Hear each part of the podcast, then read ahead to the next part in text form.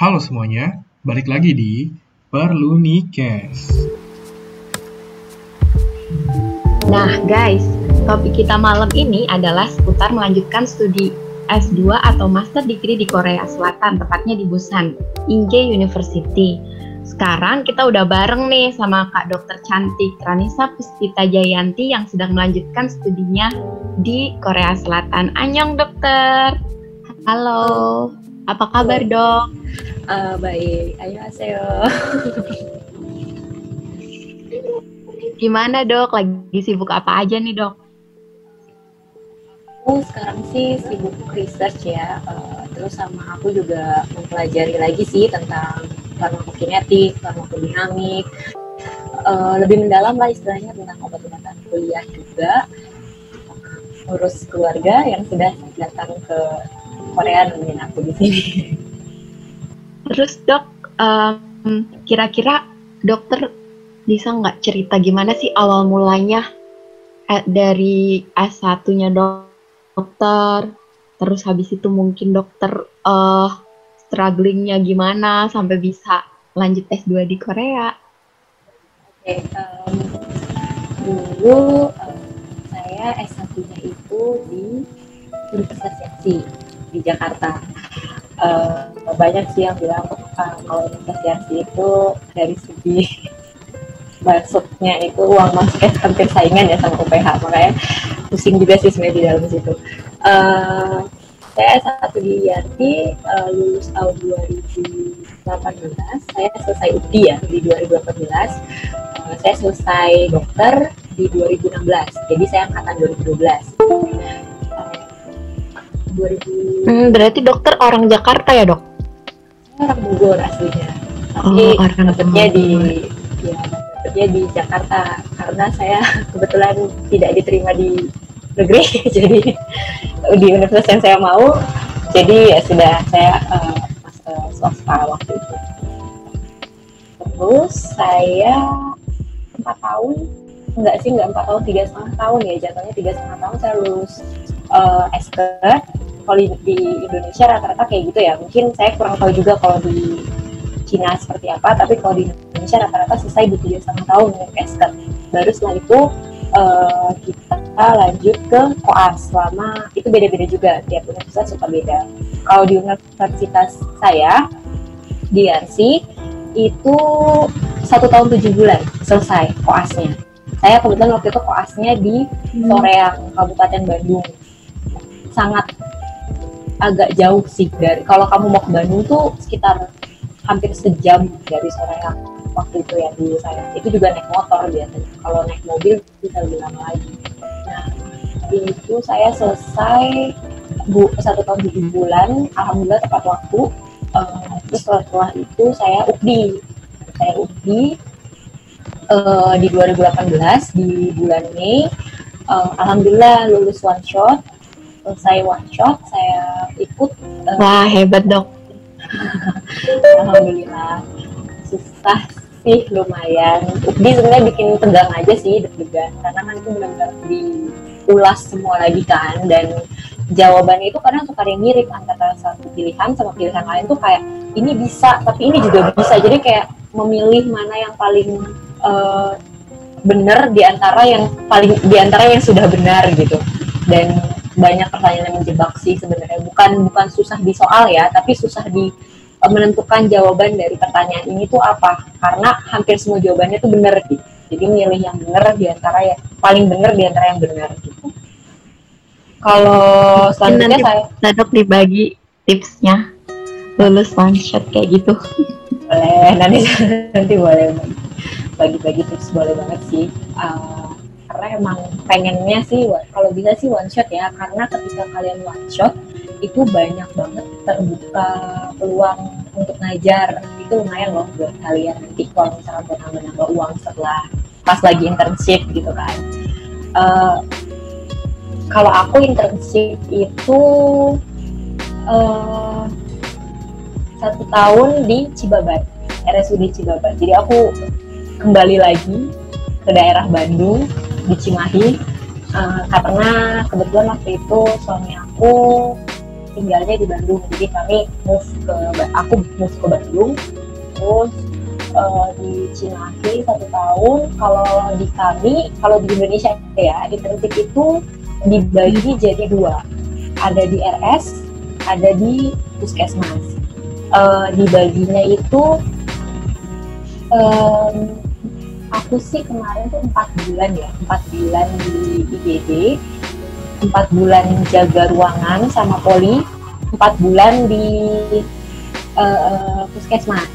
Jadi aku tuh aku putaran pertama tuh IGD jadi aku jaga IGD empat bulan rotasi sama teman-teman aku satu kelompok itu satu kelompok ada berenam. Jadi kami tukar apa uh, terjaga jadwal jaga di antara kami bertiga. Eh berenam itu. Berenam terus selesai kami jaga IGD uh, eh, lanjut ke jaga ruangan. Kalau aku seharusnya kan seharusnya tuh setelah jaga IGD uh, kelompok aku tuh harusnya masuk poli dulu baru jaga ruangan. Tapi uh, waktu itu tuh uh, kebetulan banyak dokter-dokter yang keluar sama sekolah lagi. Jadi yang jaga ruangan itu sedikit. Akhirnya isip itu ditarik buat jaga ruangan duluan akhirnya uh, mau nggak mau kelompok aku tuh langsung lost gitu loh jaga malam jaga malam lagi gitu. Jadi bedanya jaga ruangan sekarang. Setelah jaga ruangan sekitar dua bulan dua bulan kemudian kami uh, moving ke poliklinik. Jadi uh, ada beberapa poli yang harus kami masukin dan wajib. Ya, uh, biasanya itu yang wajib itu empat besar ya empat besar di dan mana harusnya sama sih ya. Di mana mana tuh harusnya sama empat besar anak uh, interna bedah sama satu lagi tuh objin. Nah kami tuh harus kayak apa ya istilahnya buka lapak lah di, di setiap uh, departemen tersebut. Jadi kami nggak cuma ikutin si instrukturnya aja apa sih konsulennya aja diem di sebelahnya gitu. Tapi kami juga ngeresepin periksa pasien gitu enaknya di rumah sakit aku sih kayak gitu karena aku benar-benar dapet banyak pengalaman banget karena rumah sakit aku itu rujukan tipe B. Jadi yang udah mau udah mau rujukan pusatnya lah istilahnya. Jadi banyak case-case yang uh, susah dan kayak sulit ditangani di daerah itu tuh dikirim ke kami. Jadi uh, untuk pengalaman tuh oke okay banget sebenarnya kalian uh, di RS aku ya karena walaupun RS atau tipe B bukan hanya kayak koas yang observing isipnya tuh nggak kayak gitu tapi isipnya tuh benar-benar turun yang ngelaksanain yang mindak lanjut yang RJP lah apa segala macem kalian mau periksa pasien. Apa pun itu ada di situ. Itu pengalamannya luar biasa sih di situ. Apalagi pas kelompok aku tuh lagi KLB demam berdarah. Jadi itu kayak demam berdarah tuh udah di luar kepala banget saking segitu banyaknya pasien DBD tiap hari datang ke uh, sakit gitu. Pokoknya sebenarnya kalau nanti kalian internship karena kan kalau kalian ada yang kembali ke Indonesia itu kan uh, butuh ya internship dan UPI uh, ini RS yang bisa mengembangkan kalian. Bukan RS yang kayak ah ya udahlah di kota tapi uh, jadwal-jadwalnya santai atau apa segala macam. Kalau menurut aku jangan karena setelah internship nanti kalian akan benar sendirian ngadepin pasien sedangkan kalau internship walaupun kalian sendirian tapi ada dokter yang penanggung jawab kalian.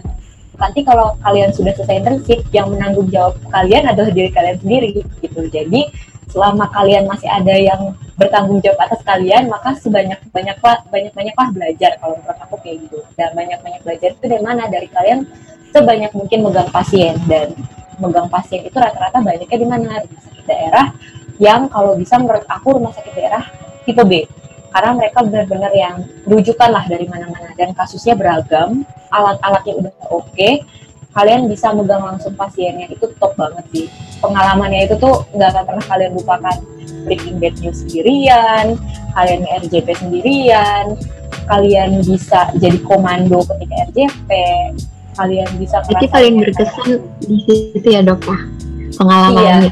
Iya. Mm Saya ngedevid pertama kali itu di ISIK. Jadi dokternya dokter uh, bukan konsulen sih uh, eh, DPJP lah istilahnya dokter umum juga jaga bareng saya terus nanya kamu pernah ngedevid pasien nggak? Belum pernah dok. Mau, mau dok. Uh, saya ajarin kamu yang ngedevid. Gitu. Jadi kayak ya. Pengalamannya tuh luar biasa sih. Jadi kalau Keren keren. mau dulu aja. Jadi kalau misalnya ada dokter yang nanya, mau ngelakuin ini, mau. Kalau kalian kayak "Eh, gimana dok, tapi saya eh, eh, gitu-gitu, biasanya mereka kayak udah males gitu loh kata kalian. Iya bener-bener.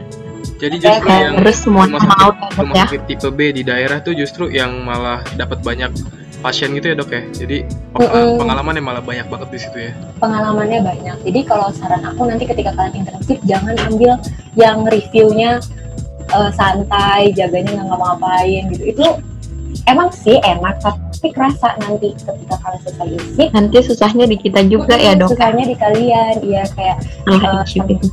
Mm-mm, kayak temen aku tuh banyak yang ngambil yang enak-enak nih rumah sakit rumah sakit yang enak kayak di Jakarta itu kan sebenarnya rumah sakitnya kayak gimana ya bagus rumah sakit Jakarta tuh bagus banget cuman eh, masyarakat Jakarta itu kan jauh lebih Jauh lebih sehat lah itu.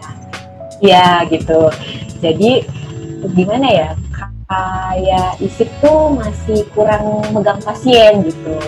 Jadi eh, lebih banyak dokter umumnya lah istilahnya yang megang pasien. Kalau di daerah dokter umumnya kan kurang. Jadi kalian yang megang pasiennya tapi mereka yang bertanggung jawab. Jadi kayak mereka kebanyakan pasien nih. Terus kayak itu isip isip tanganin tuh pasien itu. Oh. mau nggak? Iya iya gitu. Jadi kayak eh, oke banget buat kalian belajar gitu. Kalau aku tuh kayak udah pernah dapet pasien aneh-aneh deh. Bahkan pasien stroke itu pernah satu hari tuh kayak isinya stroke semuanya. Jadi kayak eh, ini kok stroke lagi kok stroke lagi? Seru banget Jadi, ya dok ya. iya udah udah udah udah seru banget sih. Aku pernah juga dapat pasien hiperkalemi kaliumnya 1,7 itu aku sampai bengong gitu loh. Dan pasien itu masih Tinggi Bisa. sekali. jalan gitu. Uh, tuh dia masih bisa jalan gimana ceritanya.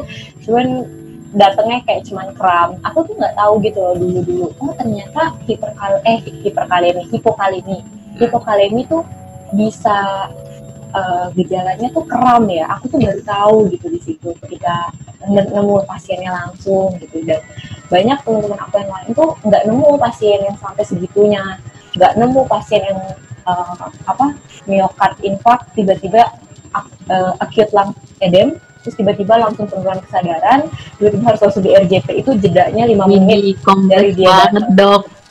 Iya bener-bener. Aku tuh kaget tengah malam dateng chest pain, EKG, TMI luas, terus oh udah masuk resus, masuk resus, masuk ruang resusitasi. Itu aku inget banget karena cuma berdua dokternya yang aku sama dokter senior terus eh, terus dokter seniornya eh, minta aku ambil aspilet sama clopidogrel dari apotek langsung Eh, aku langsung ngambil pas aku balik loh kok tiba-tiba alo pasien yang nggak bisa nafas Eh, pas pasien yang nggak bisa nafas pas didengar rongki semua eh, terus nggak berapa lama kita mau masang masker pasiennya penuh kesadaran penuh kesadaran langsung gitulah langsung apne habis apne langsung naik RJP itu bener-bener kayak cuma 5 sampai 10 menit lah.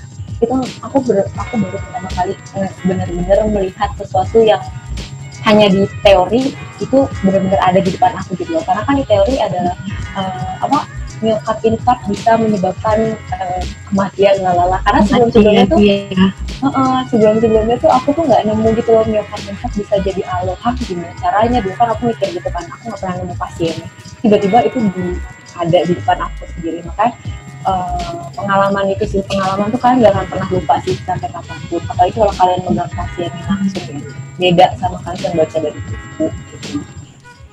Debak ya dok ya pengalamannya. Ya makanya cobain aja Nah terus kalau Oh, iya. sendiri, oh silakan silakan dok. Dokter Anissa, eh, tadi dokter mengatakan bahwa kalau bisa UKM PPD-nya itu one shot seperti itu. Apakah nanti di sertifikat atau di logbooknya itu tertera ya dok? Kalau eh, dia one shot atau yang kedua atau ketiga lulusnya?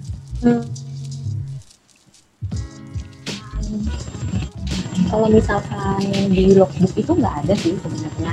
Di apa namanya di kalau nggak salah sih di sertifikat UPI juga aku nggak nemu ya. Aku nggak nggak nemu nggak nemu tulisan ya. Cuman kalau nggak salah dinilai itu suka ada deh. Kalau nggak salah retaker.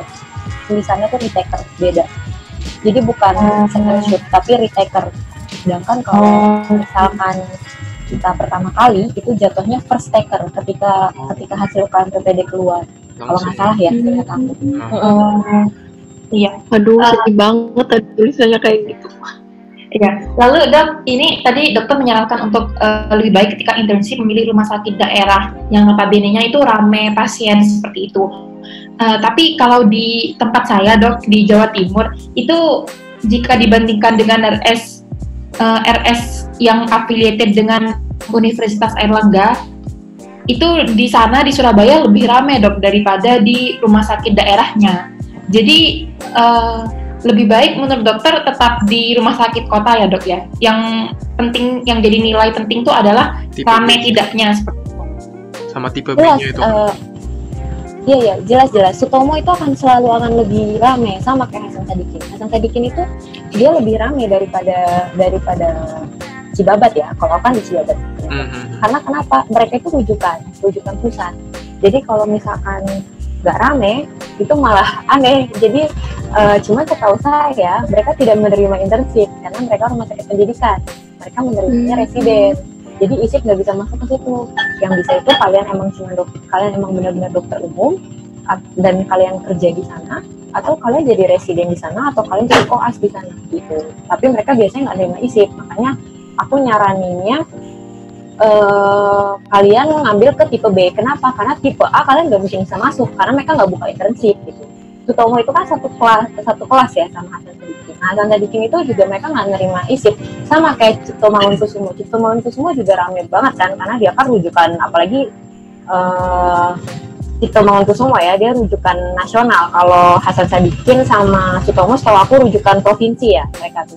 Nah itu tuh eh mereka tidak menerima karena mereka rumah sakit pendidikan. Jadi mereka eh, difokuskan untuk residensi difokuskan untuk koas difokuskan untuk dokter umum biasa yang sedang magang gitu. Seperti itu sih bedanya. Tapi kalau misalkan ada rumah sakit pendidikan yang buka lebih baik ke sana sebenarnya. Cuman kan karena mereka nggak buka ya kita pilih yang lain. Nanti ada sih sebenarnya daftar isi daftar wahana kita nyebutnya wahana yang buka untuk internship gitu Oh, seperti itu. Lalu eh, untuk observasi melihatnya, oh ini tempat RS eh, internship yang bagus nih buat saya berkembang itu bagaimana dok? Hanya melihat kayak contohnya kita pergi ke rumah sakit itu, lalu kita melihat suasananya atau bagaimana dok? Enggak, kalau misalkan eh, untuk tahu gimana, kalau saran aku kamu tanya ke batch sebelum kamu.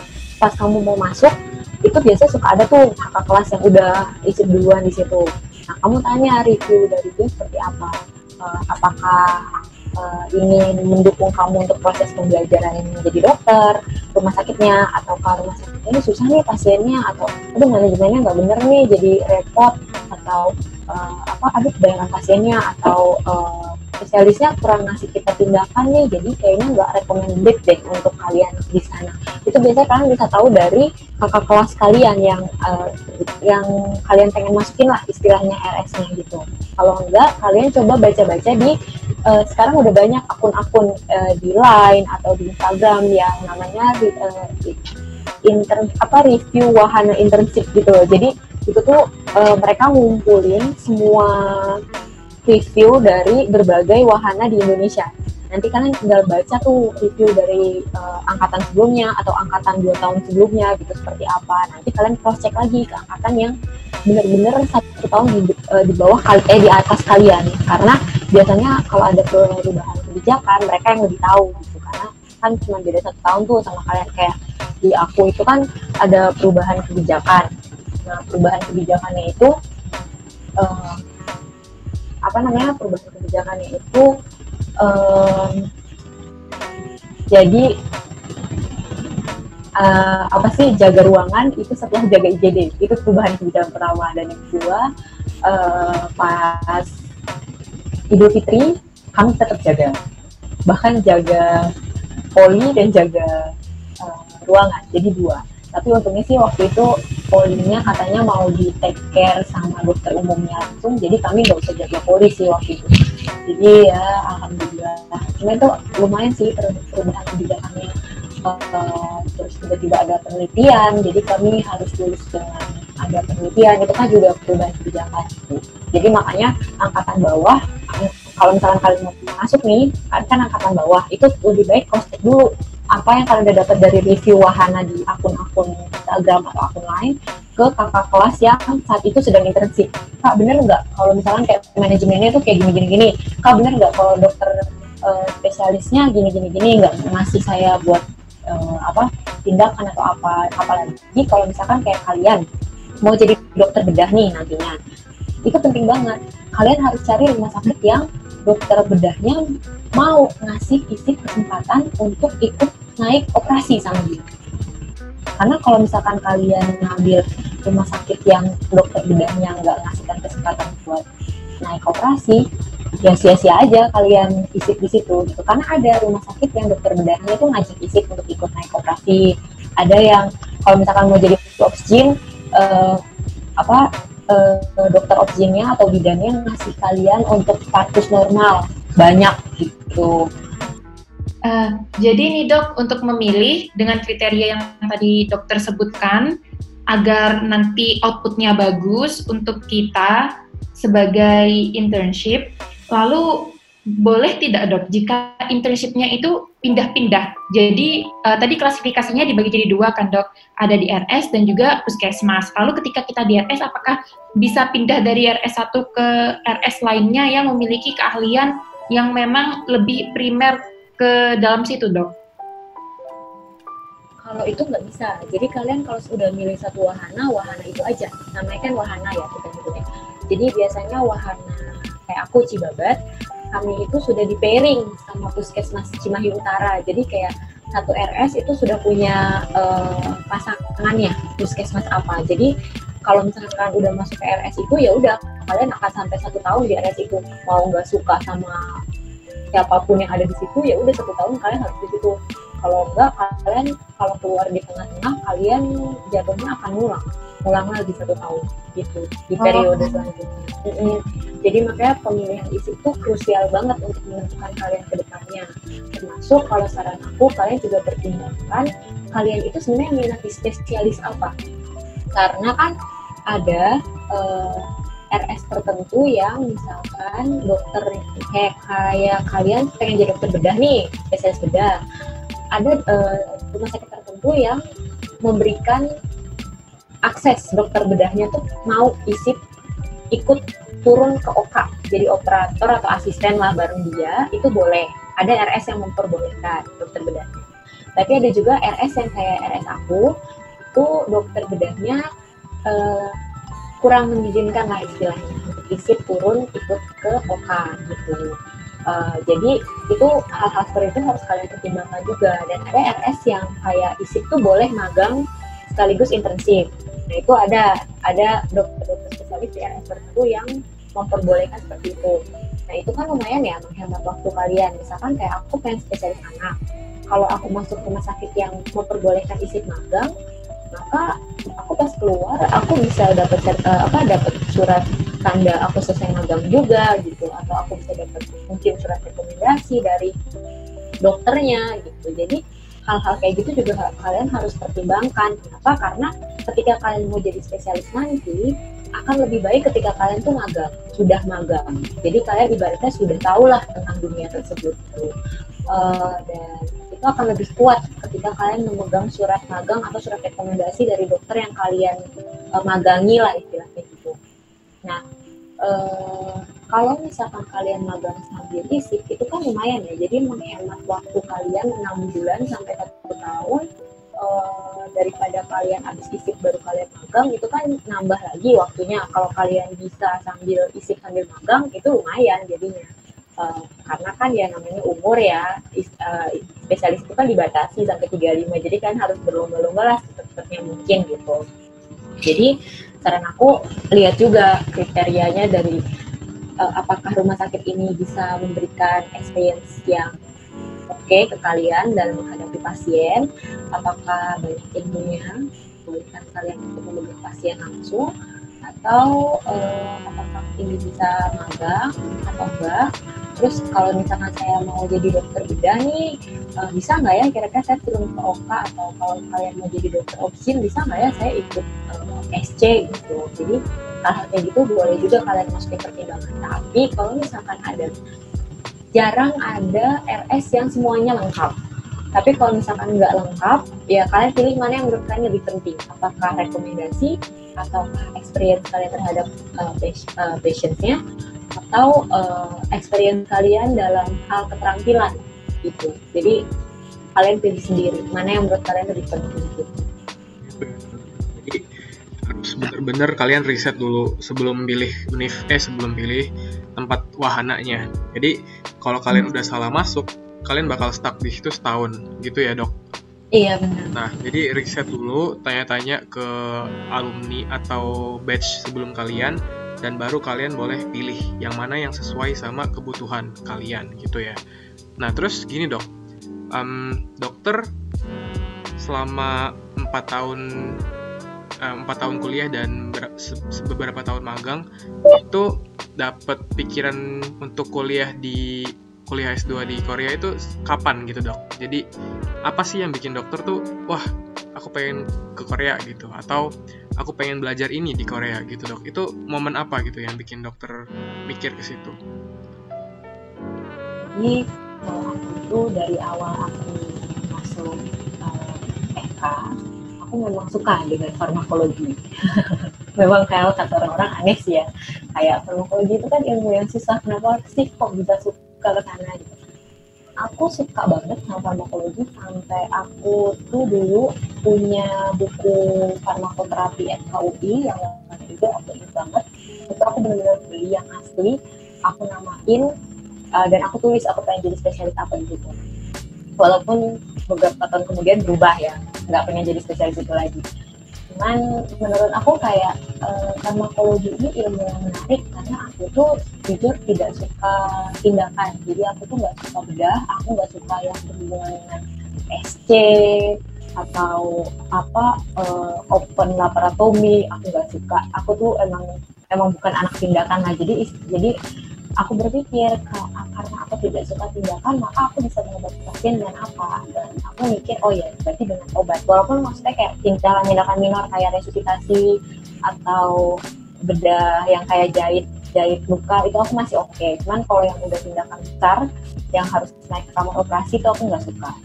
Jadi uh, aku berpikir aku harus menajamkan ilmuku di bidang yang aku lebih oke okay, seperti farmakologi seperti obat-obatan. Karena kan dokter itu kan mengobati kan intinya. Jadi uh, walaupun bisa dengan tindakan ataupun dengan obat dan I choose uh, drugs instead of operation or surgery like that.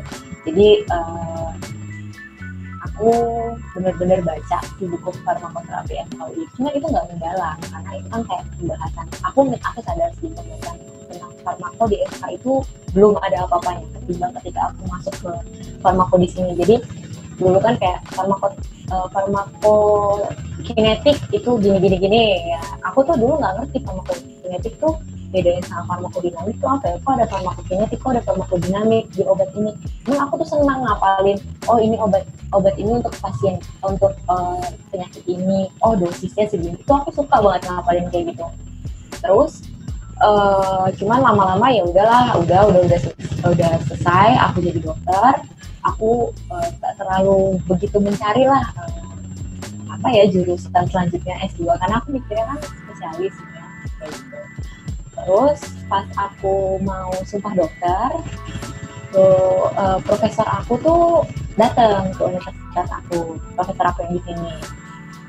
Aku pertama kali ketemu dia di situ. Terus dia kayak ngasih uh, lecture singkat tentang personalized medicine terus dia kayak cerita kalau misalkan beberapa uh, beberapa uh, obat-obatan yang biasanya dikonsumsi jangka panjang itu kadang suka menimbulkan efek samping yang berat untuk pasien. Atau kalau bukan efek samping uh, efek jangka panjangnya itu berat untuk pasien. Tapi yang menjadi menarik adalah kenapa pasien yang A bisa kena efek samping obat yang ini tapi kenapa pasien B tidak kena gitu aku juga berpikir sih kenapa ada pasien yang dia kan kadang tuh kalau kita baca petunjuk penggunaan obat di belakang tuh ada hati-hati efek samping menyebabkan kayak mual, muntah, diare, apa apa segala macam gitu. Tapi ada kok pasien yang minum itu nggak kenapa-napa, tapi ada pasien yang ketika minum itu tuh kenapa-napa gitu, kena efek sampingnya itu oke bingung. Kenapa ya bisa ada pasien yang kayak gini? Awalnya aku cuma bertanya-tanya, tapi aku tidak berpikir kalau itu akan menuntun aku ke jurusan aku yang sekarang. Jadi pas profesor aku ngomong kayak gitu, aku juga mikir kan kayak, oh iya juga ya, kenapa ya? Oh iya. Terus kayak dia tuh bilang, dokter itu seharusnya mengobati pasien, bukan memperparah penyakit pasien. Dan aku mikir, iya bener banget dia bilang. Jadi kadang tuh aku pernah kayak ngasih obat ke pasien, ternyata pasiennya itu nggak tahu kalau dia tuh alergi, dan balik-balik tuh alergi. Aku tuh, aku udah nanya, "Eh, ibu ada alergi nggak? Enggak, enggak, enggak ada. Ternyata pasiennya ada alergi. Terus eh, balik tuh ternyata dia alergi gitu. Oke, jadi eh, stop antibiotik. Biasanya antibiotik ya yang bikin alergi. Antibiotik di stop. Terus Iya, eh, dok. eh, apa, diganti dengan antibiotik lain gitu. Cuman Paracetamol juga sih dok biasanya ada Iya, iya, teman benar. saya di paracetamol ya ampun dok dan dia tuh nggak tahu gitu jadi pas dia demam terus dikasih paracetamol uh badannya langsung ini semua merah-merah semua bengkak-bengkak gitu. Iya iya benar benar benar benar benar kayak gitu benar paracetamol ibuprofen aku pernah nemu pasien yang SJS gara-gara allopurinol. Masuk IGD terus aku terus masih berpikir kayak seharusnya obat-obatan ini tuh untuk mengobati dia loh. Kenapa jadi malah memperparah memperparah sakitnya dia gitu? Dan kayak profesor aku tuh eh, datang dengan membawa jawaban terhadap itu kalau setiap orang itu punya profil genetik yang berbeda dan ketika eh, genet- genetik itu genetik itu ada di pasien itu akan mempengaruhi entah farmakokinetik dari obat atau ekspresinya nanti atau bisa juga drug drug interaction antara obat satu yang dia minum atau obat yang lain yang diminum yang nanti akan mempengaruhi farmakokinetik dari obat tersebut gitu. Aku Iya. kayak oh, Betul sih dok itu. benar. dan aku tuh kayak nggak pernah dapet jawabannya sama ini dan profesor aku tuh kayak datang menawarkan jawaban yang kalau kita nih sekarang lagi masuk ke personalized medicine era jadi ketika kamu mau obat jangka panjang maka akan lebih bagus ketika kamu mengetes genetika orang tersebut apakah ada gen-gen tertentu yang menyebabkan eh, farmakokinetik atau farmakodinamik dari obat itu akan berubah gitu.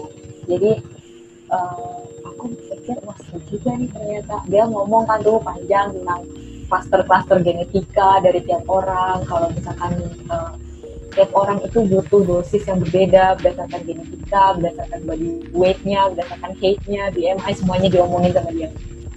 Akhirnya menurut aku menarik cuman ya udah aku kan nggak berpikir kan ada kesempatan untuk sana. Karena waktu itu profesor aku itu cuma ada kerjasama sama universitas aku terkait riset udah ya udah.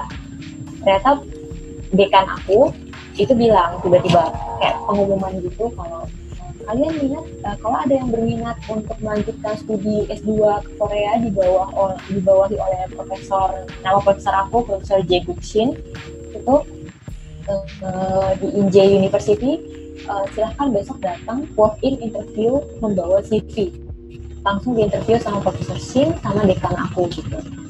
Terus aku teman-teman aku tuh pada waktu itu pada kayak bilang "Eh, udah udah coba aja coba aja saya coba aja gitu. Terus aku tuh mikir kan kayak eh, aduh aku takut aku emang bisa ya aku gimana dua tahun di luar iya dok insecure. Ya, iya insecure aku kan takut padahal udah duluan belum. belum Iya. bener-bener. Padahal keterima juga belum kan gitu. Cuman kayak aku bilang udah coba aja. Terus cuman aku juga berpikir sih eh, nothing tulus nggak sih aku mikir kayak oh aku cuman eh, interview kalau keterima ya udah keterima ya nanti aja dipikirin gitu Maksudnya kayak, Alhamdulillah. Yang penting alhamdulillah dicoba gitu. dulu dok. Heeh. iya benar yang penting dicoba Pokoknya apply gitu.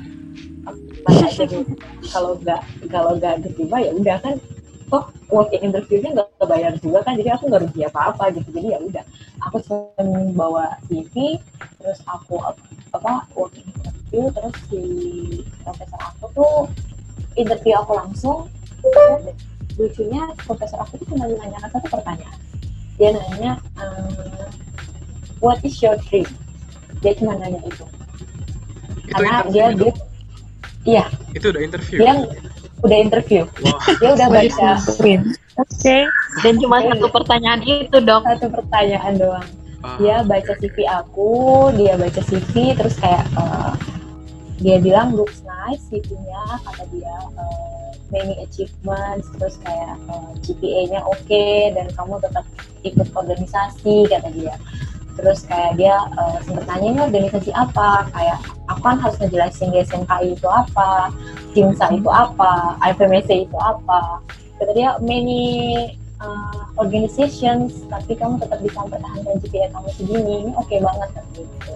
Terus uh, dia bilang what terus ya udah dia langsung nanya what is your dream? Terus ya aku bingung kan kayak ah, kayak pertanyaannya tuh aku nggak berpikir akan ditanya seperti itu karena aku pikir nanya kayak ini riset kamu tentang apa nih? Kamu nih orangnya kayak gimana? Kayak gitu, gitu, gitu. ternyata profesor aku itu bisa menilai hanya dari satu pertanyaan itu. Jadi dia dia bila dia bisa menilai kayak orang ini oke nggak buat dia Eh, apa sesuai nggak sama yang dia mau? Ini kira-kira orang ini bisa dibentuk jadi leading scientist gak ya ke depannya gitu? Terus eh, aku pas ditanya kayak gitu aku bilang dulu mimpi saya memang menjadi dokter tapi sekarang saya sudah jadi dokter. Maka saya mikir ternyata saya punya mimpi yang lain yang lebih besar daripada hanya menjadi seorang dokter. Saya bilang aku bilang gitu. Terus eh, aku bilang sih waktu itu aku belum kepikiran untuk membuat mimpi lain. Tapi sejauh ini yang menjadi mimpi selanjutnya saya itu saya pengen jadi spesialis bilang gitu. Ya maksudnya agak gila juga nggak sih? Bisa jadi referensi nih dok jawabannya. di depan profesor malah ngomong spesialis. Ya kan kayak ini nggak ada saintis saintisnya nih orang gitu. Ya eh, aku bilang saya pengen jadi eh, spesialis anak. Karena saya eh, suka dengan ya sebenarnya kenapa aku suka sama anak itu salah satu salah satu alasannya adalah aku suka ngapalin dosis obat jadi eh, anak itu kan dosis obatnya beda-beda ya ya ya apa namanya tiap obat itu anak kan kayak eh, misalkan paracetamol 10 sampai 15 mg per kilogram berat badan. Nah itu aku tuh suka, memang aneh sih, aku suka ngapalin kayak gituannya. Nah, jadi eh, dan itu makin ngebuat aku kayak, ini suka deh ya sama farmakologi sebenarnya sebelum aku tahu ternyata sesusah ini. ya terus eh, apa profesor apa gitu, terus aku bilang aku pengen jadi spesialis ke depannya, terus eh, dia juga nanya. Eh, dia bilang jadi kamu sekarang adalah seorang klinisi kan? Iya. Kalau kamu di kalau kamu diberikan pilihan untuk memilih antara menjadi klinisi apa sih satu lagi? Oh lecturer karena aku bilang aku suka ngajar dan scientist aku juga bilang eh, aku pengen belajar tentang riset kenapa? Karena tujuan akhir aku adalah menjadi seorang spesialis. Uh, jadi seorang spesialis itu butuh kemampuan riset yang bagus juga karena nanti ketika kalian spesialis kalian akan disuruh menyusun penelitian kalian sendiri sedangkan aku di RC tidak diajarkan sama sekali riset. Jadi bagaimana aku bisa menggapai mimpi aku menjadi seorang spesialis? Kalau misalkan aku nggak ada basic riset sama sekali gitu. Nanti aku takut aku kelimpungan karena kan jadi spesialis itu udah berat ya. Eh residen itu udah berat ya uh, tugasnya jaga malam apa segala macam kalau apa pasien kayak bisa nggak pulang-pulang ke rumah jadi residen itu. Terus aku harus belajar lagi tentang riset gimana ceritanya gitu. Maka aku mending uh, mengumpulkan apa uh, publikasi. Baru publikasi itu nanti aku akan pakai untuk daftar spesialis modal aku daftar spesialis. Nanti jadi aku bilang ke profesor aku aku pengen belajar riset dari profesor karena eh, aku ingin tahu bagaimana sih riset yang benar di negeri orang. Apalagi kita tahu kan Korea itu kan luar biasa teknologinya. Yang mana di Indonesia nggak ada teknologi teknologi yang ada di Korea. Aku pengen belajar itu untuk publikasi aku belak belakan lagi sih. Aku bilang aku ngincar publikasinya yang mana publikasinya itu mau saya jadikan modal untuk daftar spesialis Eh, dan makanya dia nanya. International Kayak- application kan kayak iya. Hmm. yang aku ngincer yang impact kan karena untuk lulus aku butuh impact factor minimal 6 wow. Untuk lulus minimal 6 impact factornya. Jadi aku boleh bikin publikasi 5 6 di di di jurnal yang punya impact factor satu atau kamu mau bikin satu jurnal tapi langsung tembus tuh yang impact factor langsung enam. 6 gitu ya? Itu terserah. Mm-mm, itu terserah terserah kita mau gimana. Itu pas pas di Koreanya itu itu dok atau atau masih di Indonesia? Masih di Indo eh di aku taunya pas dari Korea sih cuma pas di Indonesia aku cuma bilang aku mau eh, mau ngambil eh, publikasi internasional karena ini tuh nilainya akan gede banget Tinggi, ketika aku iya. ngambil spesialis nanti iya jadi nanti eh, apa ah, gimana ya aku tuh kan bukan darah biru aku nggak punya jalur apa-apa untuk masuk spesialis aku nggak punya kenal siapa pun aku nggak punya eh, apa ya istilahnya keluarga yang dokter lah. Ya dalam. seperti itu. Jadi iya, iya. Aku harus struggle dengan diri aku sendiri gitu loh. Jadi apa sih yang bisa aku jual?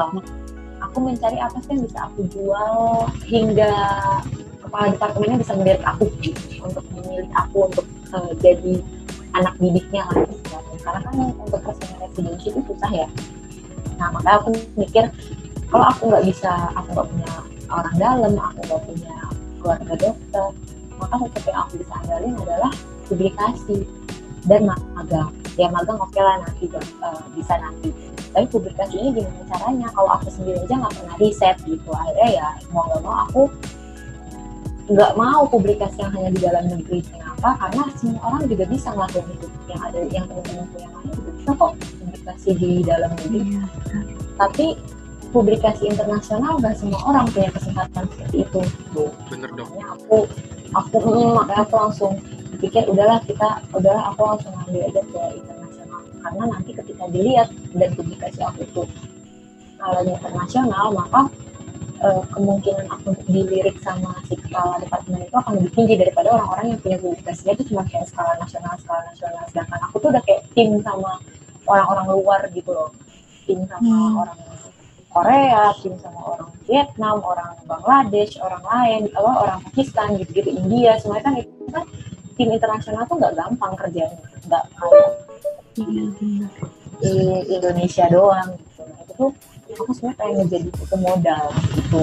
Aku main ngomong ke profesor aku, intinya goal aku tuh sebenarnya spesialis, makanya pasti disuruh milih eh, antara eh, mau jadi scientist atau mau jadi eh, apa pilih dua karena kata dia it's impossible untuk eh, apa meng balance menyeimbangkan ketiganya aku bilang aku pilih klinisi dan lecturer. Waktu itu ya aku bilang aku tidak milih scientist karena menurut aku scientist itu hanya kayak batu loncatan untuk jadi klinisi gitu loh. Iya kak. dia kenapa karena scientist eh, gimana ya? Maka kita lihat aja kenyataan eh, seorang peneliti di Indonesia dihargainya gimana sih? Dibanding spesialis gitu kan? Beda banget kan? Maksudnya kalau unfortunately itu sih sad truth-nya yang, yang, yang terjadi sekarang. Tapi Mm-mm. tapi selain interview itu em, dokter dulu persyaratannya apa aja dok buat lolos gitu buat lolos dapat beasiswanya? Dan beasiswanya jenis apa dok btw belum dibahas tadi. Kan nggak mungkin kan masa cuma interview doang pasti ada persyaratan lainnya gitu. Iya dok. syaratannya interview bikin esai bukan esai sih sebenarnya kayak eh, kamu mau research topik research apa? Gitu. Oh. Um, topik research terus kamu harus kayak ngomong di situ mau membuat research apa goalnya apa kayak proposal lah istilahnya proposal penelitian. Iya iya iya iya itu benar-benar interview proposal penelitian sama rekomendasi dari orang berpengaruh. Orang berpengaruh yang benar-benar kenal kamu. Jadi aku waktu itu milih dekan aku. Ya? Oh, oh iya Kalau dok. dekan. Kalau aku milih dekan aku. Jadi aku minta tolong dekan aku walaupun dekan aku sibuk dan mungkin nggak kenal aku banget tapi aku yang aku ngejelasin kalau aku masih soyasi yang kata 2012 eh, saya lulus alhamdulillah tepat waktu dok terus saya aku eh, ngomong ketemu dia terus aku bilang saya dulu aktif organisasi gini gini gini aku jelasin ke dia. Terus dia bilang "Eh, oke saya paham sekarang saya harus nulis apa tentang kamu." dia kayak nulis rekomendasi dari dia eh, untuk disertakan juga. Jadi aku ya ngertain itu proposal penelitian oh motivation letter ya itu juga harus masuk motivation letter motivation letter Oh, ini- motivation letter itu beda dengan isai ya dok, nggak masuk sama isainya tuh. Yang tadi esainya proposal, proposal. Ya, ah, esainya proposal, proposal penelitian. Motivation letter tuh jatuhnya eh, di akhir diminta kena ah, ini apa yang mau kalian berikan untuk negara kalian. Bahkan di esai eh di motivation letter dari Korea mereka menanyakan itu apa yang Wow. Mau kalian berikan untuk negara kalian setelah kalian selesai dari Korea. Jadi menurut mereka sebegitu menurut mereka ya kampus aku sebegitu pentingnya eh, untuk kalian bisa membangun negeri kalian lagi setelah Hmm, jadi kayak hmm. Korea tuh mau membagi ilmu nanti setelah kalian dapat ilmu dari kami kamu mau ngapain di negara kamu gitu itu kayak rancangannya tuh harus jelas gitu loh mereka juga mau tahu Tuh. Jadi benar-benar harus Terus- terus, Dok. ya. Untuk buat dapat Harus. beasiswanya itu. Harus jelas goalsnya juga. Hmm. Iya, goalnya harus jelas sih. Kalau menurut dan aku menurut dan aku sih ngasih saran kalau sama profesor aku, beliau maunya kalian sebulan apa pun. Saya kalau kalian mikir kalian tidak mau jadi scientist, itu sudah tidak salah gitu buat dia. Tapi harus ada alasan yang jelas kenapa kalian tidak mau jadi scientist. Tapi kenapa kalian harus dipilih sama dia itu juga harus jelas gitu. Tapi dia nggak nanya kayak kenapa saya harus pilih kamu enggak. Dia yang akan menentukan di akhir dari semua jawaban kamu. Apakah Konklusinya lah ya.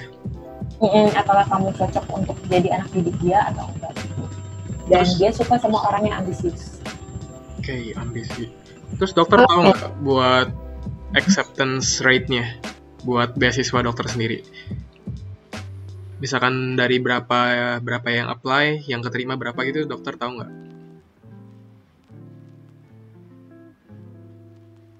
Ya, itu kasusnya baru aku pertama kali yang jadi anak didiknya profesor itu. Wah, Tapi kalau dari negara lain kayak Vietnam hmm, itu kalau nggak salah daftar sekitar 30-40 yang keterima satu. oh, wow, berat juga ya berarti Mm-mm. bener ya. Sekali Kalau beasiswa profesor aku tuh lumayan di Hmm. Vietnam. Gitu ya teman-teman. Jadi buat teman-teman yang dengerin yang pengen S2 atau postgrad dan bener-bener beasiswa full gitu kayak dokter Anissa, bener-bener kalian harus planning ya, planning yang planning yang matang gitu untuk S2 kalian. Gak boleh cuma "Ah, aku pengen S2, lah lah lah lah, lah, aku ingin S2, aku daftar ah beasiswa di sini. Itu nggak bakal keterima. Jadi kalian harus punya punya bekal dulu untuk itu ya. Jadi kayak dokter dokter Anissa bilang tadi visioner gitu, visioner dan emang harus di backing dengan bukti-bukti yang kuat gitu. Jadi kayak kalian tuh organisasi bagus, IPK bagus, segala macamnya bagus gitu. Jadi emang diri kalian dulu harus di up, diri kalian dulu harus dimatengin gitu loh. Kalau diri kalian udah mateng, visi misi udah mateng, ya pasti mm, lembaga-lembaga yang ngasih beasiswa pun bakal itu loh melirik, melirik kalian gitu. Betul nggak dok gitu kira-kira? Iya benar, benar-benar banget. Eh, jadi menurut aku belajar aja itu nggak benar ya. Maksudnya kalian harus ikut organisasi juga. Kenapa? Karena rata-rata pros- profesor-profesor itu akan mencari orang yang bisa bekerja di bawah tekanan, bukan yang eh, ya udah nilai saya bagus. Terus kamu punya kegiatan apa? Nggak ada gitu. Jadi kayak Hmm. eh, ya udah berarti kan hidupnya cuma belajar doang. Dia mana pernah ditekan gitu loh sama orang. Sedangkan kalau orangnya berusaha menyeimbangkan antara eh, apa organisasi dan nilai berarti kan dia benar-benar di bawah tekanan tuh gue harus nilai gue harus bagus tapi gue juga punya kegiatan di organisasi gue jadi kayak benar-benar under pressure kan mereka lebih suka orang-orang yang sedih di bawah tekanan profesor profesor kenapa karena aku pakai beasiswa profesor jadi iya. benar. profesor aku yang yang Jenisnya beasiswa dan- profesor ya. Iya, jadi kalau di Korea dan Jepang itu terkenal banget beasiswa profesor ya jatuhnya. Jadi kalau di kami itu sistemnya kalian cari profesornya, baru kalian apply beasiswa. Ketika beliau udah oke dengan CV dan apa dan publikasi kalian, eh, interview oke, nanti baru kalian boleh daftar. Kalau di Korea gitu. Jadi kalian nggak daftar dulu, baru kalian cari profesornya, tapi kalian cari profesornya dulu, mereka oke, baru kalian eh, cari eh, baru kalian eh, apply buat si universitasnya. Kalau di kalau di universitas aku kayak gitu sih. Eh, tapi mungkin di universitas Korea lainnya ada yang beda. Cuman kalau di universitas aku kayak gitu, kalian harus cari dulu profesornya, baru kalian apply ke universitas. Karena Terus- kalau kalian nggak punya nggak punya profesor, nggak ada yang mau ngebimbing kalian. buat apa kalian keterima tapi gak ada profesor yang membimbing kalian Iya dok benar. Iya. Itu info-infonya gimana dok? Kayak apakah harus punya kenalan atau emang ada ada web websitenya sendiri atau ada informasi information boardnya sendiri gitu untuk beasiswa profesor ini? Karena tadi kan kalau dokter Anissa bilang itu dikenalin sama profesornya dokter sendiri gitu ya? iya dekan aku Oh, nah itu Mm. dokter tahu nggak kira-kira ada info di mana gitu untuk mencari beasiswa yang semacam ini? tahu aku sih di ada yang sering nyebar ya di grup-grup gitu atau dari misalkan kamu cari di KBRI Seoul atau dari beasiswa Korea itu kadang suka ada yang ngasih kayak vacant um, position di lab si dokter eh si profesor ini gitu cuman masalahnya itu kalau kedokteran itu jarang. Iya benar. jujur jarang. Jarang banget. Yang paling banyak itu engineering lah apalah. Makanya rata-rata orang-orang kaburnya ke uh, Europe kan. Karena Europe itu kan mereka prosesnya kalian daftar kalian masuk kalian datang. Kalau di Asia kalian cari profesornya profesornya oke baru kalian boleh masuk ke universitasnya. Bedanya di situ kan. Makanya rata-rata orang-orang tuh merasa lebih terbuka uh, informasi di Europe daripada informasi di Asia Timur. Padahal di Asia Timur tuh oke juga gitu nggak kalah sama di negara-negara Eropa gitu.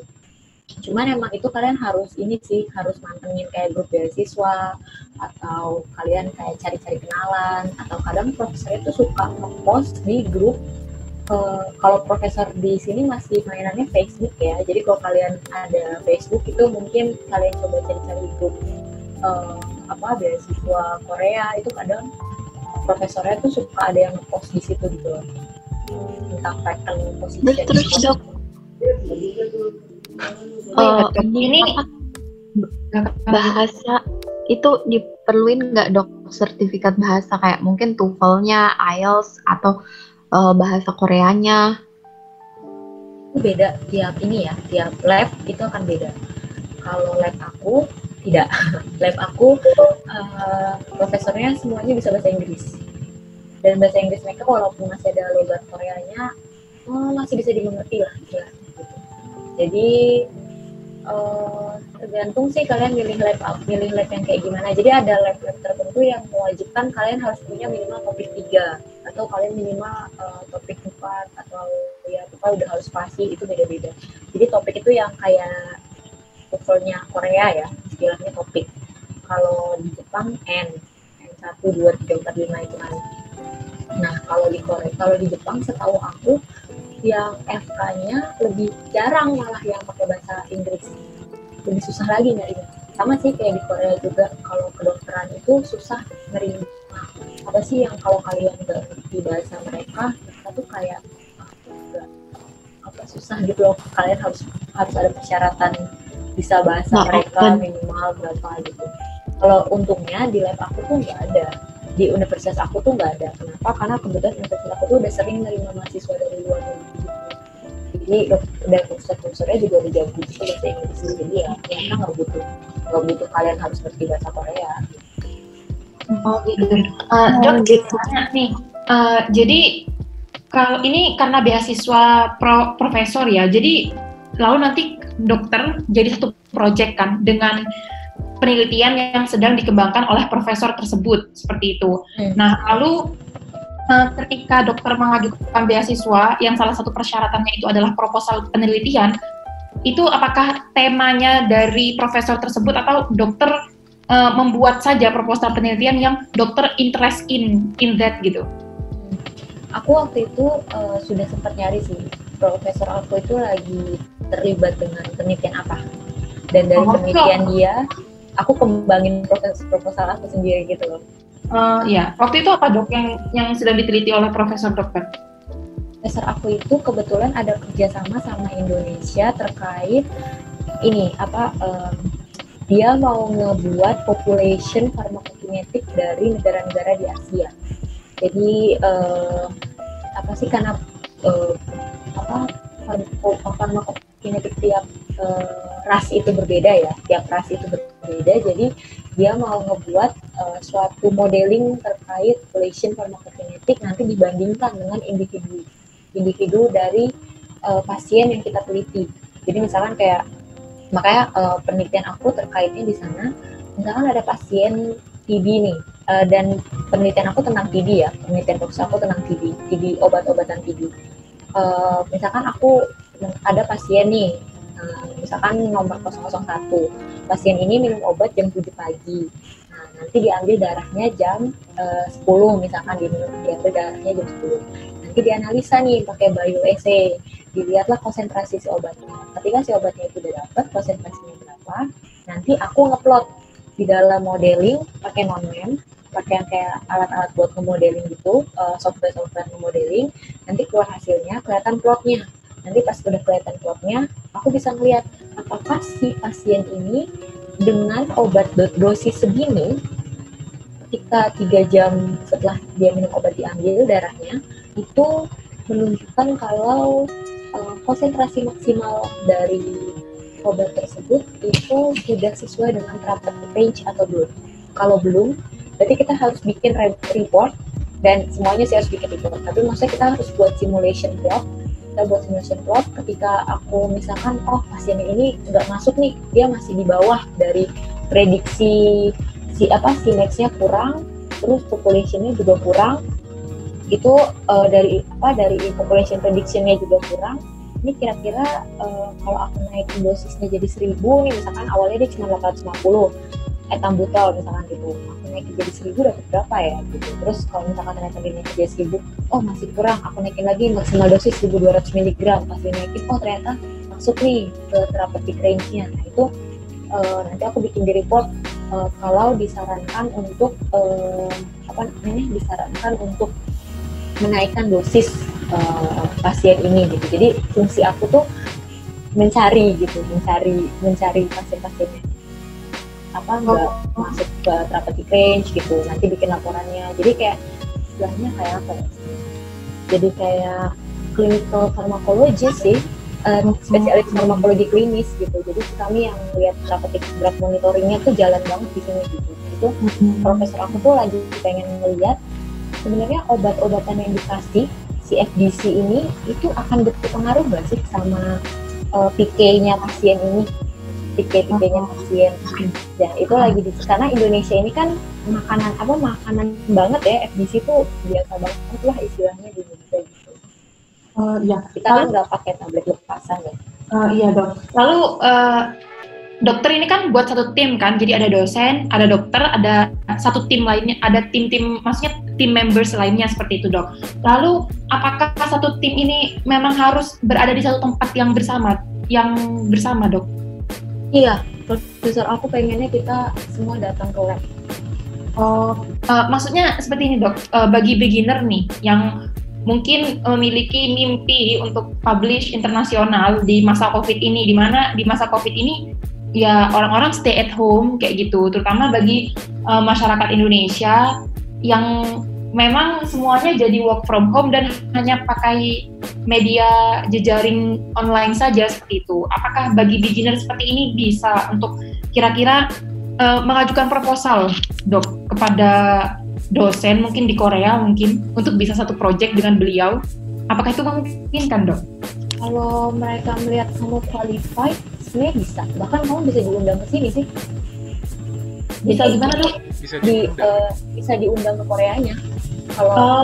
karena kan visa Korea kan masih buka untuk student nggak oh. nggak bermasalah mereka iya iya iya yang iya. bermasalah Lalu, itu turis nggak boleh oh tapi meskipun semisal nih dok, seperti saya atau ini yang jadi hostnya, kita statusnya masih menjadi mahasiswa nih di Tiongkok gitu. Tapi kita kepengen ingin memiliki wadah agar kita bisa publish internasional, sedangkan di kampus uh, kami itu tidak menyediakan dok seperti itu.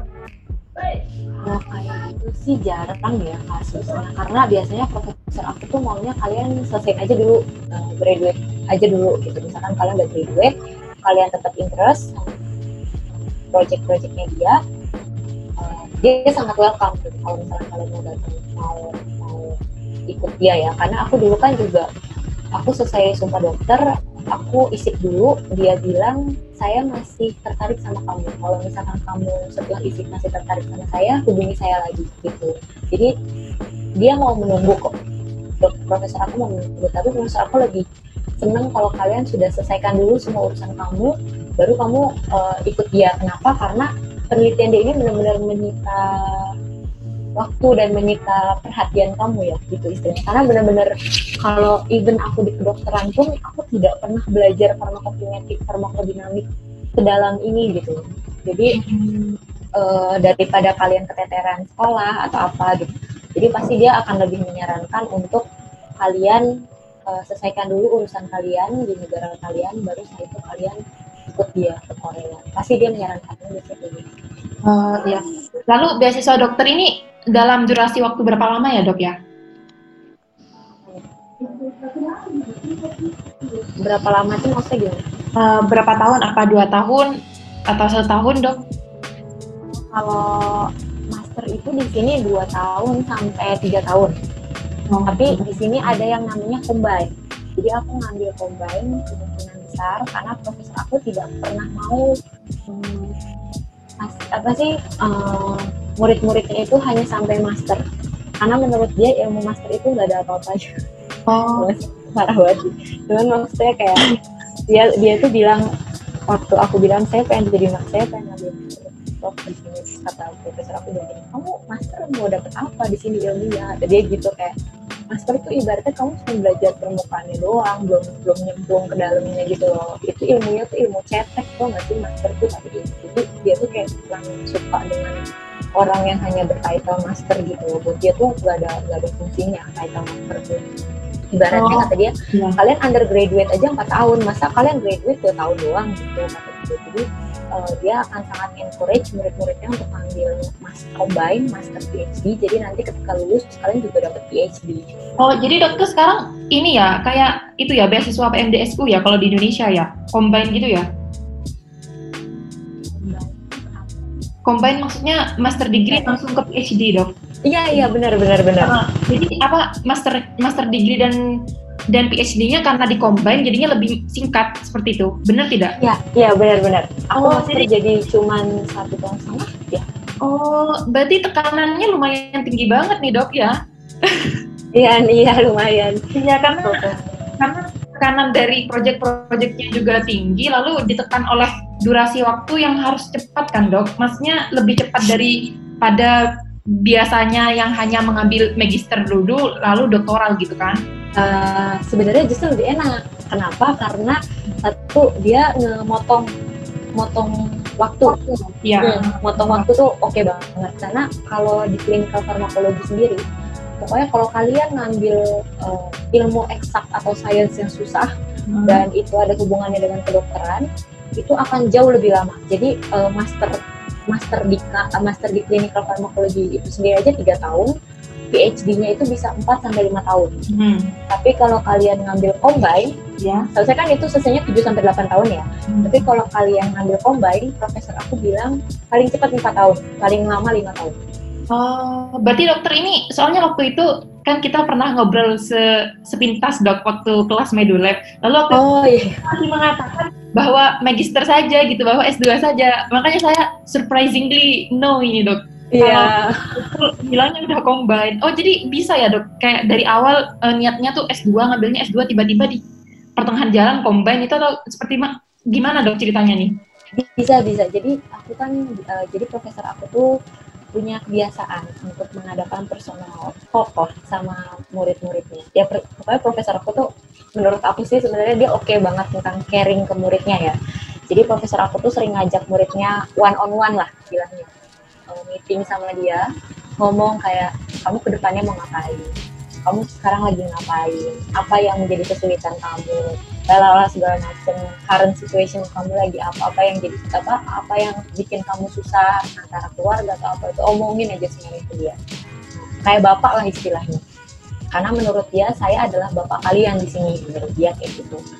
Terus eh, profesor aku, aku tuh di situ sempat bilang ya prof saya mau spesialis eh karena mau ngambil spesialis akhirnya saya eh, jadi kayak cuma ngambil master aja. Terus dia bilang buat apa? Kamu cuma ngambil master. Master itu tuh ibaratnya kayak kamu cuma di training belum bikin publikasi apa-apa terus kalian udah selesai.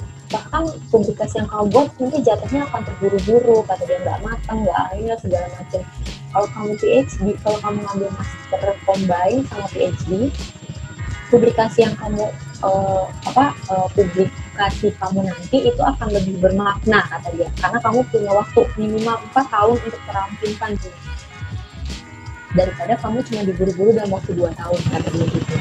Oh, iya. juga sih Iya. ya kan bayar ya jadi uh, lumayan duitnya juga dikumpulin. Jadi lumayan buat spesialis gitu maksudnya Hmm. jadi ya aku berpikir oh ya juga sih uh, kerjasama sama Indonesia ini kan sampai tahun 2025 jadi uh, kemungkinan aku akan megang data Indonesia sampai tahun 2025 jadi oh, sekarang aku tuh berharap kayak kamu yang ngolah karena kan kalau katanya data data Indonesia itu seharusnya publikasi itu orang Indonesia bukan orang luar negeri jadi harus ada orang Indonesia yang turut serta mengolah data di situ. Jadi karena aku satu-satu orang Indonesia jadi aku, semua data itu aku yang pegang gitu aku yang ngolah aku yang publikasi dan mereka tuh kayak second author lah istilahnya gitu. Second Hmm. lalala gitu. Tapi first authornya harus orang Indonesia karena yang ngolah kan karena kan ini datanya Indonesia masa diolahnya sama orang Korea? Gitu kan kayak nggak etis gitu loh. Pasti akan jadi pertanyaan yang gitu jadi profesor aku juga minta aku supaya bisa bikin uh, meneruskan lah istilah meneruskan riset itu dan bikin publikasi terkait riset itu nantinya yang bagus. Karena profesor aku dapat grant ini dari National Korea apa gitu aku lupa. Jadi emang research grant ini tuh gede banget dan dalam waktu yang lama. Jadi ya mungkin grant yang bergengsi lah istilahnya di Korea. Jadi dia benar-benar mau memastikan kalau proyek ini tuh berhasil sukses gitu. Dan Oh, sangat boleh banget untuk change gitu nah karena kamu punya waktu enam bulan untuk mem- memikirkan kamu mau lanjut master lagi atau mau combine gitu. Oh, ditanyakan gitu ya dok ya? Dilihat dari IPK kamu juga IPK selama 6 tahun itu, eh 6 bulan itu. Enam bulan ya semester satu Oh, karena kemarin IPK aku memenuhi terus profesor aku juga oke jadi nanti di di tahun ke di semester 3 ya semester 3 aku bisa apply Semester Oh. tiga, iya. iya. Berarti eh, ini dok, eh, dari awal bersama profesor, profesor, eh, saya kurang tahu cara nyebutinnya, profesor dokter tadi itu, oh ya ya itu berapa project dok yang ingin digali? Atau hanya satu project tapi memang benar-benar deep? Atau ada beberapa project gitu dok? Soalnya saya ini ada senior di Indonesia yang ngambil ini combine gini S2 S3 langsung lalu sekarang sedang mengkaji COVID gitu dok. Lalu saya tanya estimasi waktunya sampai selesai sampai publish itu berapa lama? Lalu dia mengatakan sekitar tiga bulan gitu dan targetnya tuh Scopus gitu. Secara kalau di Indonesia tuh eh, Scopus tuh termasuk tinggi gitu ya dok ya kalau menurut ini masyarakat Indonesia indeksnya itu gitu. Jadi mungkin jadi dia ada beberapa project akhirnya selama dia S2 S3 gitu. Lalu kalau di dokter ini seperti apa dok? Apa satu project tapi deep? Apa banyak project nanti dalamnya? itu kami mainannya kan sampel pasien ya jadi kita benar-benar ngumpulin banyak sampel pasien nah profesor aku tuh dari semua sampel pasien yang dikumpulin dari Ethiopia, Myanmar, eh, Vietnam, Indonesia, Korea jadi ada lima negara yang kerjasama ngumpulin semua pasien TB dan setiap negara punya masing-masing orang in charge untuk mengolah datanya itu kita punya beberapa project jadi bisa project PDM, bisa PK, nanti bisa project apa lagi nih, PBPK terkait obat ini gitu-gitu. Tapi pakai data sampel yang dikumpulin. Tapi projectnya banyak banget. Bisa kali satu orang bikin enam publikasi dari project-projectnya dia gitu. Iya ya, tapi itu masih dalam ranah farmakokinetik ya dok ya dan TB gitu kan? Iya, PK-PD, M ya PK-PD, PBPK, OPK, ya PK semua sih jatuhnya. Terus eh eh, cuma beda-beda PK sama TBM, pharmacogenomics kita juga main. Nah, Oh. semua sampelnya itu dari eh, yang dikumpulin ini dari lima negara ini. Makanya sampelnya itu bisa di atas 5000. Makanya kalau diomong kalau kita ngomongin valid validitas ini akan valid banget dan reliable banget karena pasiennya banyak. Oh dan mencakup lima ras. Kalau Nah, proyeksinya buat berapa tahun dok? Atau berapa bulan? Proyeksinya yang dokter lagi kerjaan sekarang?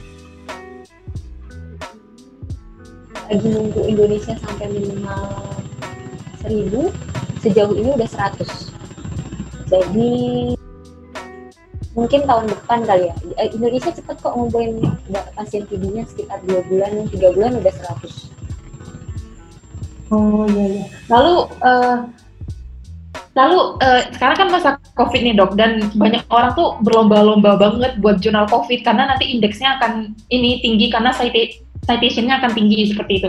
Lalu dokter juga eh, meneliti COVID ini tidak dok? Mungkin dari Iya. segi farmakokinetiknya juga ya karena masih berhubungan. kan jadi gimana ya profesor aku itu eh, bedanya kan kalau misalkan yang lain tuh pakai clinical trial ya kalau profesor aku itu kan dia mainannya memang farmakologi bukan jadi orang-orang mikir farmakologi ini neliti menciptakan obat baru ya. profesor aku eh, tidak suka yang seperti itu jadi dia eh, bukan membuat obat baru tapi dia meneliti obat yang sedang dipakai untuk clinical trial ini efektivitasnya seperti apa ya? Jadi lebih ke sana. Dan mekanisme actionnya seperti apa? Dia tuh senang melis semua obat yang sedang undergo clinical trial.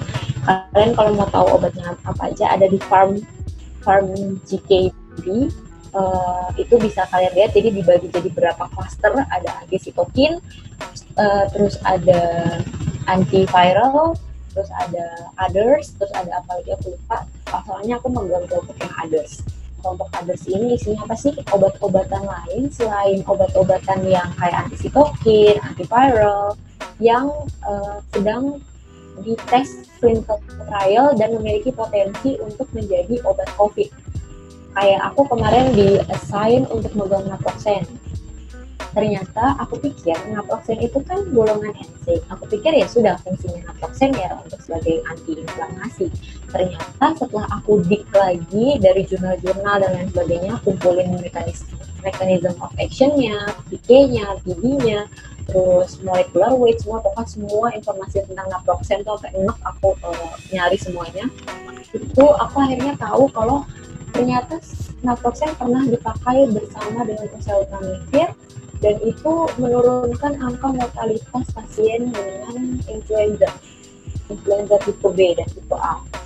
Dan kalau dan influenza itu kan bukan flu biasa ya. Flu yang bisa eh, menyebabkan kematian juga di negara-negara kayak eh, apa yang Asia Timur gitu kan. Mungkin agak berbeda dengan Indonesia juga. Eh, itu bahkan sampai ada yang meninggal kan kan eh, ketika dicampur oseltamivir maksudnya digabungkan oseltamivir dengan naproxen eh, efek sampingnya hanya meningkatkan sedikit tentang ureum dan kreatinin tapi ketika di stop balik lagi. Uh, jadi uh, hampir tidak ada uh, adverse drug reaction sama sekali dan itu justru menghindarkan mor- morbiditas dan mortalitas uh, dan apa kayak mengurangi gitu mortalitas dan morbiditas. Jadi uh, ternyata naproxen ini punya efek antiviral dan itu aku baru tahu. Uh, dia itu mencegah replikasi dari si virus influenza dan kebetulan setelah aku lihat-lihat dari jurnal tersebut si influenza dan si SARS itu SARS-CoV-2 itu punya kesamaan eh, re- cara replikasi. Jadi kayak mereka membutuhkan nukleoprotein gitu-gitu membutuhkan nukleoprotein untuk attach eh, akhirnya bisa menyebabkan replikasi nah si naproxen ini memblok attachment dari nukleoprotein jadi nukleoproteinnya nggak bisa binding akhirnya dia bindingnya sama naproxen akhirnya replikasinya tidak terbentuk gitu. Jadi eh, efek itu yang dikejar. Itu kan Sama, big, itu big finding banget dok. iya itu yang lagi dikejar di clinical trial eh, yang terbaru. Nah itu aku berfungsi untuk eh, ngumpulin informasi-informasi kayak gitu dari obat-obatan receh yang kayak naproxen, enoxaparin kayak gitu yang heparin gitu kan kalau kalian mikir heparin oh oke ini untuk mengejarkan darah. Iya untuk darah aja gitu. Oh, dia punya efek antiviral gitu. Jadi kayak Ya ampun. wah. Jadi profesor aku tuh senang mengumpulkan database kayak gitu. Nanti dipublish untuk bantuin eh, apa physician Iya, untuk iya, iya. eh, milih obat. Dan obat mana sih yang sebenarnya lagi lagi oke okay, yang efektivitasnya paling oke. Okay, itu akan dijadikan highlight seperti remdesivir. Nanti kayak kita mau um, mempublish tentang remdesivir kenapa sih ini dia yang paling oke okay, gitu gitu kan sejauh ini sih masih dalam tahap pengumpulan data juga dan kami juga akan membuat mechanism of action dalam satu diagram besar di mana semua obat mau kita combine di situ. Jadi oh, nanti kalian bisa lihat oh obat ini ternyata fungsinya di sini, oh obat ini ternyata fungsi di sini dalam bentuk gambar. Karena kalau kalian baca kan kadang kayak bingung ya, kayak uh, ini sebenarnya dia ngebloknya di mana sih? Kalau dari gambar tuh lebih jelas, lebih bagus gitu. Kalau kalian tahu drug bank, rencananya sih sebenarnya kita pengen buat website kayak drug bank tapi lebih oke okay, lebih reliable lah istilahnya gitu terus juga uh, aku lagi uh, terkait covid aku lagi ter uh, di apa ya, di project tentang sitokin storm yang mana kita tahu sebenarnya rata-rata uh, rata-rata pasien meninggalnya karena sitokin storm kan karena badai sitokin itu badai sitokin yang menyebabkan ARDS, jadi pasiennya harus diintub, ventilator, segala macam. Nah, ternyata ini ada hubungannya dengan genetika. Jadi ada gen, jadi kita nyebutnya SNP ya. Jadi ada SNP-SNP tertentu ya gen-gen ter, ya, uh, apa sih uh, fenotip, fenotip fenotip tertentu atau genotype gitu. Tertentu yang bisa meningkatkan orang tersebut, pasien tersebut ketika memiliki uh, jenis ini, jenis uh, tertentu, itu akan meningkatkan uh, ekspresi dari sitokinnya, sehingga menyebabkan orang ini akan lebih rentan terkena sitokin storm, akan lebih cepat jatuh ke keadaan sepsis dibanding orang yang nggak punya profil genetika ini. Gitu.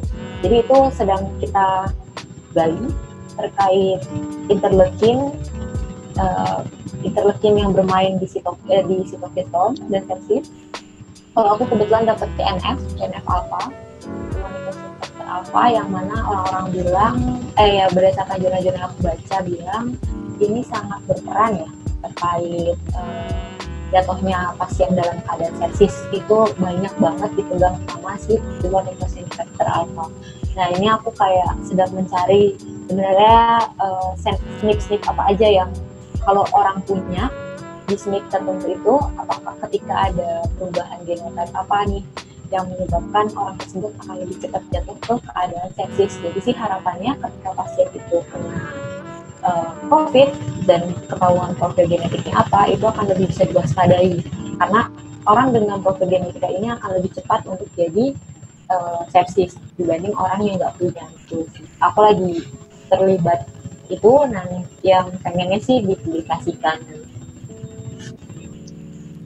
oh iya lalu um, ini dok saran nih dok karena Perluni juga lagi sedang um, membuat grup Perluni Research gitu dok. Jadi menghimpun teman-teman yang memang memiliki atau ingin mengembangkan bakatnya di research gitu dok. Jadi karena kita juga tidak memiliki dosen pembimbing, terutama rata-rata teman-temannya tuh baru-baru semua. Seperti itu pesertanya baru-baru semua. Lalu dokter ada saran untuk kami pemula ini kayak gimana contohnya untuk mendapatkan dosen pembimbing seperti itu uh, contohnya atau mungkin kita tidak perlu uh, bagi kami tidak perlu untuk uh, lihat interestnya kami dulu tapi uh, find dosen dulu lalu dia bahas apa lalu kita ikut project itu atau gimana dok? penting kalian interest dulu ya ketika kalian tidak interest dengan apa yang dikerjakan oleh orang tersebut uh, atau profesor tersebut ya ada kalian akan menjalani itu setengah hati. Beneran dan itu akan berat buat kalian. Berat banget. Karena yang namanya project itu kan kalian harus review banyak jurnal sampai enak. Kalian harus banyak baca buku kalian harus terlibat banyak diskusi laporan apa segala macam. Kalau kalian nggak suka itu akan buan bukan banget buat kalian. Jadi saran aku sih sebenarnya kalian harus interest dulu lalu kalian interest sama bidang apa dan kalian cari profesor atau dosen yang lagi terlibat sama proyek itu agar kalian tuh bahagia melakukan proyek itu karena memang based on your own curiosity bukan karena based on other curiosity terus kalian ngelakuin. Nah profesor aku tuh nggak mau kalau kalian itu cuma jadi uh, low level scientist gitu kayak cuma ngerjain apa yang dikerjain sama orang. Tapi kalian nggak tahu apa yang sedang kalian kerjain. Jadi itu uh, penting banget. Kalian tuh harus tahu apa yang kalian suka. Dan kalian lagi ngerjain apa di situ. Dan manfaatnya ini ke depannya apa? Kenapa kalian mau ngelakuin itu? Itu sih penting. Kalau aku kenapa aku mau gabung sama profesor aku? Karena profesor aku itu kan meneliti tentang TB TB drugs ya. Kenapa aku mau gabung sama dia sama dia? Karena Indonesia tuh TB-nya tuh masih tinggi. Indonesia TB-nya masih tinggi banget. Dan angka-angka apa kasus efek samping karena obat TB itu banyak banget. Kenapa pasien TB di Indonesia itu banyak yang nggak tuntas? Karena ya salah satu penyebabnya mereka itu nggak takut karena efek sampingnya juga mereka nggak sanggup gitu loh nanganin efek samping sebegitu beratnya gitu. Karena kan ada yang pada kuning ada yang efek sampingnya mual muntah apa segala macamnya kalau itu bisa dihindari itu itu akan lebih oke okay banget. Gitu. kita jadi kayak uh, bisa menekan angka resistensi lah di Indonesia. Sekalian kita lihat apakah sih dan apalagi di Indonesia kan katanya FDC ya. Sedangkan katanya FDC itu kurang. Oke okay, sebenarnya dari segi PK farmakokinetiknya. Nah, ini aku pengen membuktikan sendiri. Benar nggak ketika aku ngetes uh, pasien di Indonesia yang pakai FDC PK-nya itu subtherapeutic bukan intrapetic range. Aku pengen lihat sendiri kalau misalkan ternyata therapeutic range loh berarti nggak ada masalah dong pakai FDC gitu. Sebenarnya itu kayak based on my curiosity dan kebetulan profesor aku menawarkan kesempatan aku untuk meneliti dengan uh, mata kepala aku sendiri gitu. Jadi penting banget kalian harus tahu why kalian. Why kalian tuh penting banget. Why kalian harus ngelakuin ini. Why buat apa goal kalian apa yang membuat kalian uh, merasa ini tuh penting untuk diteliti. Oh iya. Lalu ada saran tidak dok? Bagaimana cara dapat dosen, mendapatkan dosen pembimbing gitu? Dari mana dulu nih? Dari kampus atau dari luar negeri atau gimana? Uh, karena dari kampus kami ini ada ya? Nggak ada, iya nggak ada. Hmm. Paling sih kalau kata aku coba aja tanya-tanya kakak kelas yang misalkan kalian harus dibimbing, eh, maksudnya dibimbing dalam komunitas nih. Kalian coba tanya-tanya ke kakak-kakak kelas ya senior-senior kalian yang emang udah hmm, berpengalaman dalam bidang riset, terutama riset yang skala internasional ataupun uh, di bidang yang kalian minati. Syukur-syukur kadang kan kalau yang kayak gitu kan biasanya suka PhD tuh. Kadang si PhD PhD ini suka bikin riset sendiri atau mereka tuh suka postdoc di mana gitu. Nah itu tuh lumayan buat kalian kan jadi suka diajak buat um, penelitian mereka gitu. Kalau enggak sih, kalau kalian mau mencari profesor yang mau bantu kalian, saran aku sih coba kalian cari uh, apa kayak jurnal-jurnal terus mereka suka ninggalin kontak person kontak mereka kan kayak Gmailnya atau nomor telepon jarang sih ya kayak lebih ke Gmail. Uh, sering uh, sering ninggalin email mereka nah kalian bisa coba kontak tuh si profesor itu lewat email gitu. Kira-kira dia mau nggak ngebimbing kalian?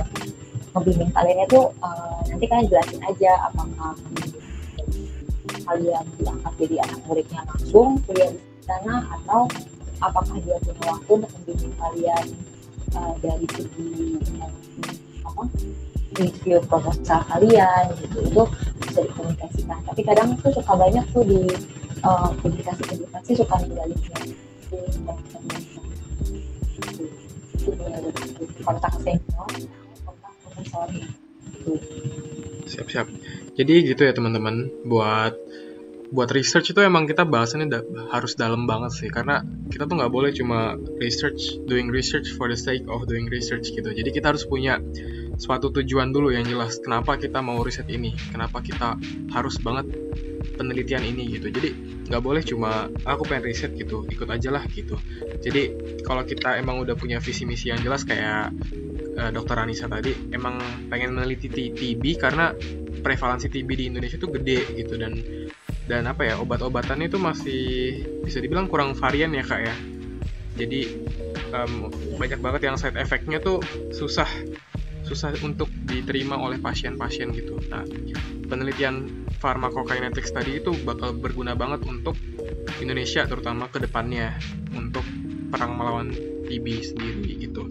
Nah untuk riset-riset uh, dokter Anissa juga tadi yang tentang COVID, tentang TB dan lain-lain itu semoga cepat dapat hasil ya dok ya.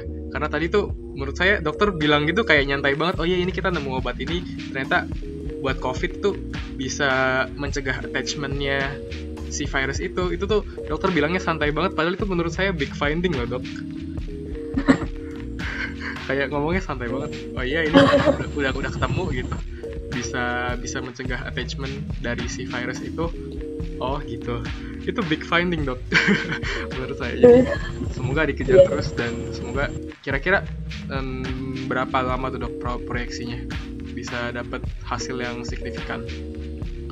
Nah ini sih sebenarnya profesor aku itu juga lagi ngejar kami sih buat merampungkan semua tentang COVID-COVID ini. Karena kami kan Hmm, setiap orang punya project masing-masing ya dan kayak orang-orang tuh lagi pada fokus sama proyeknya masing-masing gitu loh. Jadi si COVID-19 ini tuh kayak tersingkirkan gara-gara gara-gara tuh orang tuh mikirnya kayak ada udahlah kayak mereka tuh udah kayak mulai kehilangan minat karena orang-orang lain udah pada mulai publikasi iya iya. ya kan? Karena orang udah pada mulai publikasi sedangkan kayak aduh profesor gue kerjanya tinggal revisi revisi revisi mulu gitu. Jadi akhirnya mereka mulai kehilangan minat sedangkan mereka tuh nggak bisa publish karena terus-terusan revisi. Akhirnya eh, banyak teman-teman aku tuh yang kayak jadi lebih namanya, fokus ke proyeknya mereka. Karena proyek mereka mm-mm, proyeknya mereka tuh udah bentar lagi rampung sedangkan kayak covid ini kan kita masih review jurnal terus iya benar uh, benar. presentasi gitu. Dan belum ada banyak uh, jurnal terkait covid kan. Jadi kayak kita terbatas juga terkait informasi. Oke dok tapi yang penting intinya semoga semua yang lagi dikerjain project-projectnya yang masih ongoing yang udah mau selesai semoga cepat selesai ya dok. Dan dapat dapat hasil yang memuaskan gitu lah ya dan bisa membantu untuk ke depannya dokter loncatannya untuk spesialis kan dok ya jadi Iya, uh, semoga dapat kayaknya sih gitu. gitu. Nah nih dok, sebelum kita apa ya, sebelum kita tutup nih, kita kita belum bahas nih dok kehidupan dokter di Korea gitu gimana dok? Kita tuh sebenarnya banyak juga listener yang pengen tahu gitu, wih di Korea tuh gimana sih rumah sakitnya? Apakah bener isinya dokter-dokter ganteng, banyak romansnya gitu? Oke, Jadi, oke. uh, kita bahas-bahas yang lebih Kayak drama hospital playlist dok. Yuk, kita bahas yang lebih ringan lah intinya. Dari, tadi kan udah mendalam banget tuh. Kita bahas tentang research, bahas tentang beasiswa. Sekarang kita mau coba bahas yang lebih santai-santai aja gitu dok. Boleh lah dokter Oke, cerita boleh, sedikit lah ya, tentang masa-masa kuliah di sana. Terus hmm, kayak di kampus gimana ke suasananya, terus di rumah sakit kayak gimana suasana gitu dok. Boleh dok di share-share sedikit. Jadi kalau kampus aku itu eh, kita tetap pakai kuliah ya, kuliah biasa, kelas, tetap riset juga tetap jalan. Jadi kuliahnya itu eh, cuman bentar sih, misalnya satu hari ada satu kuliah, nanti hari besoknya ada satu kuliah lagi, besoknya ada kuliah. Jadi nggak kayak satu hari full kuliah gitu. Paling kuliahnya juga cuma dua jam sampai maksimal tiga jam, jadi nggak akan lebih dari tiga jam. Eh, malah rata-rata satu jam sampai dua jam sih, tiga jam tuh kayak cuma di schedule-nya aja terus abis itu kita balik lagi riset kayak gitu aja terus tiap hari nggak tiap hari sih bahkan kayak uh, cuma tiga kali seminggu ya tiga kelas seminggu gitu nah uh, dibagi jadi satu semester itu kalian ngambil 15 SKS semester selanjutnya 15 SKS selanjutnya 15 15 gitu maksimal 15 gitu. nah untuk lulus di kampus aku tuh butuh uh, minimal 60 SKS ya 60 SKS buat lulus. Eh, kalau kalau kalian master doang sendirian tuh kayak lebih banyak itu kalau nggak salah 64 apa. Jadi kayak kalau kalian ngambil combine itu akan nge-bypass si SKS-nya juga buat kalian lulus tuh. jadi enaknya itu. Terus riset itu eh, di luar SKS di luar kredit riset itu nanti berguna untuk publikasi kalian yang mana nanti kalau kalian lulus minimal kalian harus nerbitin jurnal dengan impact factor 6 terserah kalian mau ner- mau nerbitin jurnal 3 biji di impact factor 222 terus jadi 6 atau kalian mau satu jurnal tapi langsung tembus ke eh, jurnal yang impact factornya 6 itu terserah kalian. Jadi kalian mau milih yang mana tergantung kalian gitu. Terus eh selain itu apa ya? Oh ya di kampus aku profesor aku tuh sering punya enaknya adalah kampus aku profesor aku tuh sering ngajak kita makan-makan. Jadi di Korea tuh kan kayak ada budaya untuk ngumpul-ngumpul tuh sama profesor atau sama atasan lah istilahnya. Iya, bukan mukbang sih ya? kayak kayak kumpul beda beda mukbang. Itu kan Oke. makan yang banyak gitu kalau kalau ini tuh kayak kumpul-kumpul jadi kayak minum eh, apa minum-minum kalau yang minum alkohol yang minum alkohol kalau enggak ya kita minum soda gitu terus sambil makan di Berarti yang drama-drama tuh bener ya dok ya? iya iya benar-benar bener bener bener. Itu kayak emang budaya gitu di sini. Terus ditraktir sama profesornya. Itu minimal satu bulan satu kali minimal. Wah, enak banget. banget banget. Dan profesor tuh biasanya kan traktirnya bukan cuma di restoran yang biasa kan pasti di restoran yang wah gitu. Terus dibayarin semua sama mereka. Terus bisa ngerasain masakan Korea tuh mereka tuh kayak seneng gitu loh. Eh kalian belum apa coba cobain masakan tradisional Korea yang kayak gini jadi mereka tuh kayak benar-benar ngajak ke yang ikoniknya Korea banget gitu loh buat Ah. memperkenalkan budaya mereka terus sih Gak cuma orang Indonesia yang proud ya kalau orang orang luar makan makanan kita gitu. iya oh, oh. Ternyata mereka juga bangga ya kalau orang luar Bangga. orang lain makan makanan mereka gitu. Kan iya iya dulu pas uh, Presiden Obama ke Indonesia makan nasi goreng aja tuh rame vi- viral banget berapa bulan tuh kan nasi goreng iya iya. bakso. Sih udah itu viral berapa lama? Ternyata mereka juga kayak gitu ya budayanya. Iya benar. Dan welcoming Eh. banget ya dok? welcoming. Kalau profesor aku ya sejauh ini semuanya welcome sama aku. Even aku muslim maksudnya untuk segi, segi ini ya agama. Mereka kan sangat aware dengan makanan yang bisa aku makan. Jadi Oh. profesor aku akan mm, akan cenderung mencari makanan yang muslim friendly muslim friendly lah istilahnya gitu. Sebaik itulah mereka istilahnya gitu sih. Tapi kalau mereka- denger-denger gosipnya dok kalau di Korea tuh mereka agak-agak xenophobic gitu nggak sih dok? Kayak ke foreigner itu mm, agak stigmatis gitu. Itu bener nggak dok? Dan di, sih di luar dari profesornya dokter nih. Katanya sih iya ya. Apalagi kalau kayak ke muslim gitu sih ya. Hmm, hmm, hmm. kalau yang dokter kalau- gimana selama ini ber- ya sejauh ini kadang suka diliatin sih. Cuman mereka kan menghormati orang mungkin ya menghormati. Jadi mereka nggak nggak ngomong nggak ngomong nggak ngomong langsung gitu. Cuman kayak kadang ngeliat cuman udah cuman nggak yang benar-benar diliatin terus gitu. Mungkin aku pakai kerudung kan ya pakai kerudung. Terus eh, mereka kan agak-agak stigmatis sama orang-orang Southeast Asia yang mana kayak kita tuh terlihat banget kalau kita South- Southeast Asia kan dari segi muka eh, mata terus eh, apa eh, kulit juga kan beda kan. Mm-mm, makanya eh, nah itu masih itu terkenal sih stigmatisnya mereka sejauh ini sih aku cuma diliatin doang ya belum ada yang sampai kayak verbal rude abuse gitu ya. Ada. Mm-mm, verbal gitu nggak ada. Oke. cuman emang kadang profesor aku juga suka ngomong eh kenapa sih apa kalian me- me- menyusahkan hidup kalian sendiri dengan tidak bisa makan ini tidak bisa makan ini? Cuman kadang kadang dia suka ngomong gitu cuman kayak itu. Terus cuman dia habis itu bilang just kidding just kidding gitu. Oh, iya, iya. Cuman, teman-teman saya juga sering gitu sih. Iya kan? Sering jadi itu half, pertanyaan. half joke kali ya half joke. Mereka half serious half joke mungkin. Sebenarnya Iya, penasaran iya, iya. juga cuma ya pas it off as as a joke aja gitu. Jadi ya biar Bener sih. ya. kayak jangan buat, buat mereka budaya kita emang aneh sih dok. Nggak bisa Iya, dipungkiri kalau buat kacamata orang lain tuh emang susah memahami budaya Indonesia atau budaya agama-agama di Indonesia gitu bener-bener bener karena apalagi kan kita kadang katanya makan pakai tangan kan itu lebih aneh lagi menurut mereka nggak bisa makan pakai sumpit itu aneh juga buat mereka kayak "Ah, kok bisa sih gak makan pakai sumpit gitu jadi makan pakai sendok itu juga mereka kayak sempat sih aku pernah dibilang eh, karena aku nggak bisa pakai sumpit besi ya kan mereka pakai sumpit besi ya itu kan susah loh sumpit besi tuh licin gitu kan jadi berat juga Ya, Mm, kalau makan mie itu jadi susah gitu kan terus katanya mereka "Hmm, latihan dong eh, apa pakai sumpit. Kan di sini pada pakai sumpit semua jadi kadang suka ngedek gitu juga sih. Cuman ya udah sih itu kayak terserah kita aja mau dianggap serius atau enggak. Aku Kalau- aja kalau- sampai eh sil- silakan kalau yang mau nanya. Terus dok kalau uh, apa? Um, kalau di drama-drama tuh kan kayak rame banget tuh oplas di Korea ini pasti pusatnya oplas, oplas, oplas gitu. Itu gimana sih menurut dokter? Emang di semua rumah sakit tuh dokter menyediakan menyediakan fasilitas untuk oplas itu kah atau seperti apa dok?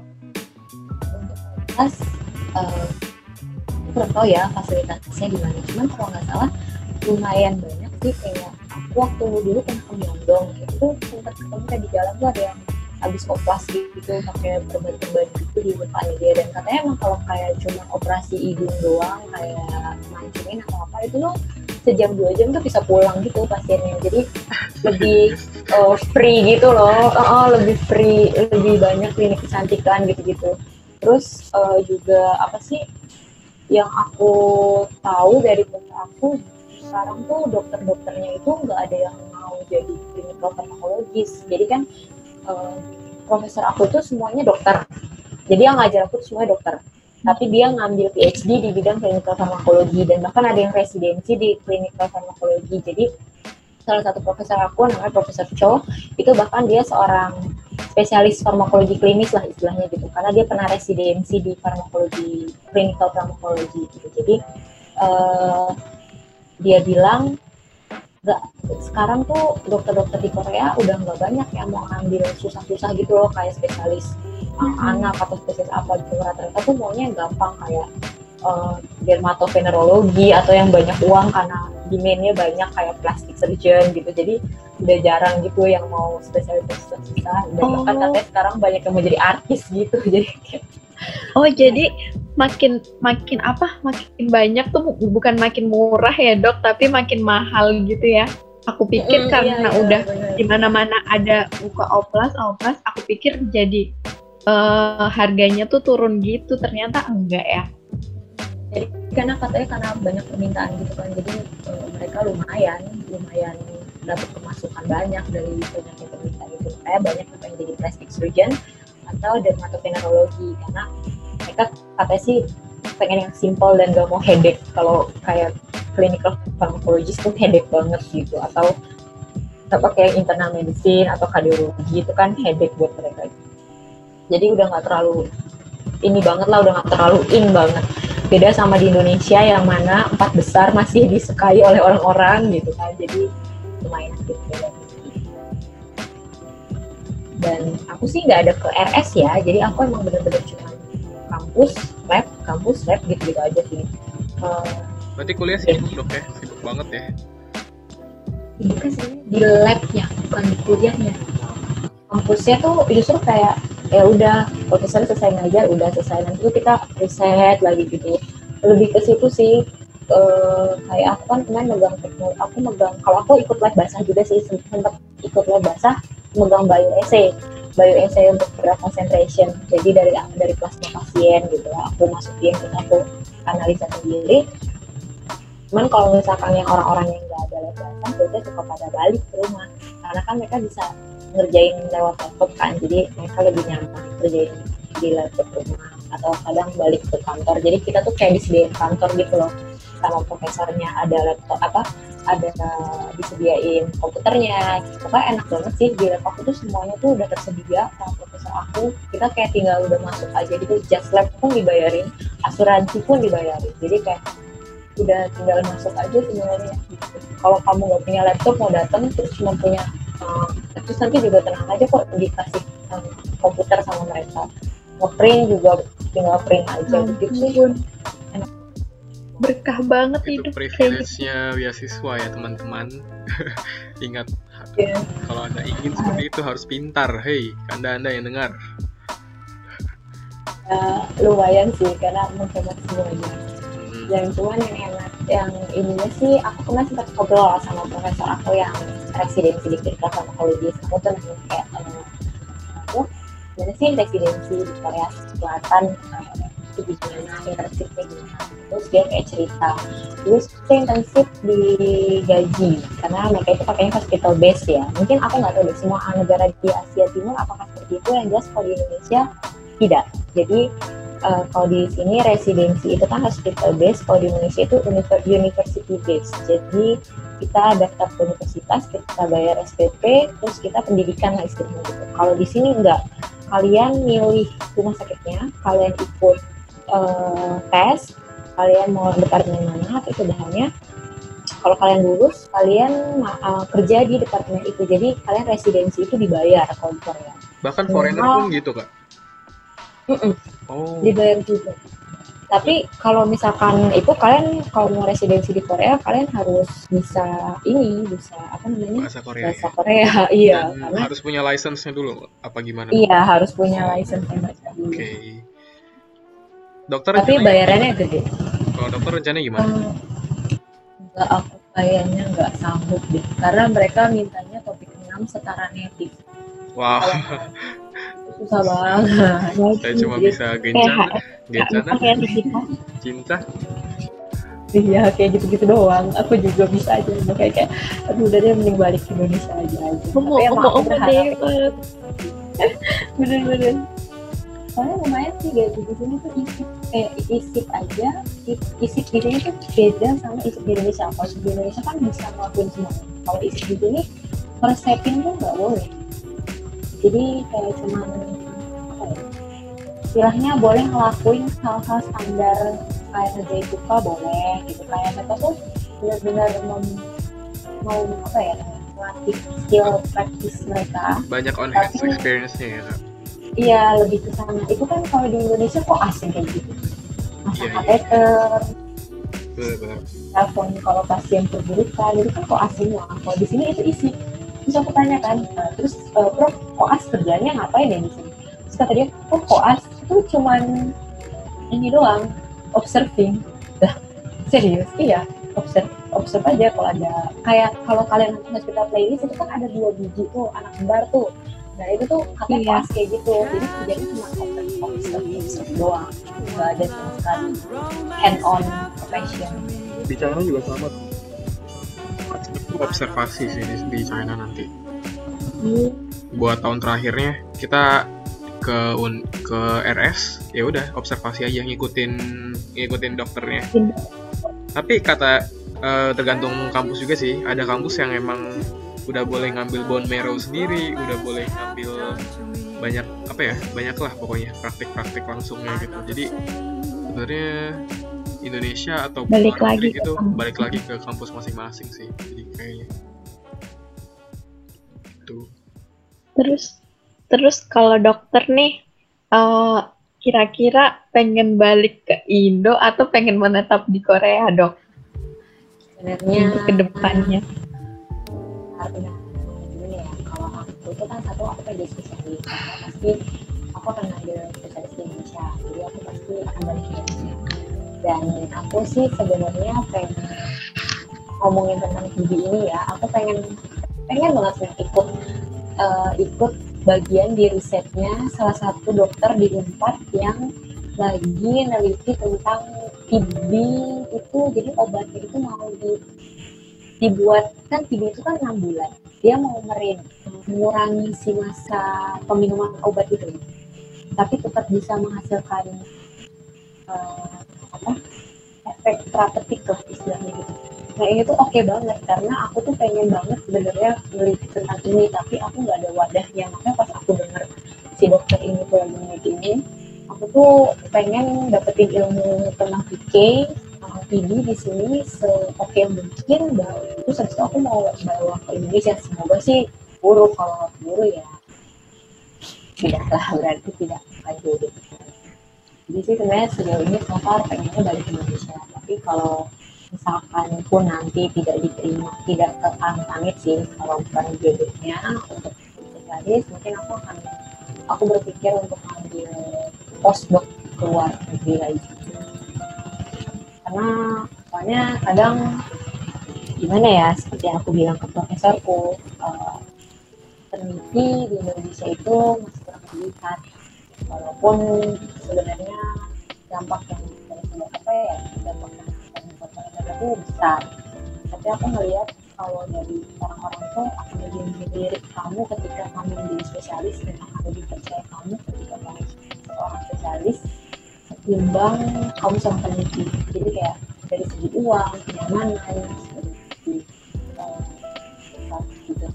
sosial gitu, dari segi apa ya uh, orang-orang itu akan lebih berpihak sama profesi spesialis ketimbang uh, scientist gitu. Sedangkan kalau kamu menjadi scientist sebenarnya akan lebih terlihat ketika kamu tuh di luar negeri gitu. Loh karena kan rata-rata juga kita ngambil jurnalnya bukan jurnal-jurnal Indonesia kan yang kita ambil tuh rata-rata kita baca di jurnal-jurnal luar negeri sejauh ini ya selama aku kuliah di, di Indonesia waktu koas atau clinical gitu teknik clinical itu aku nggak merasa ngambil jurnal dari Indonesia.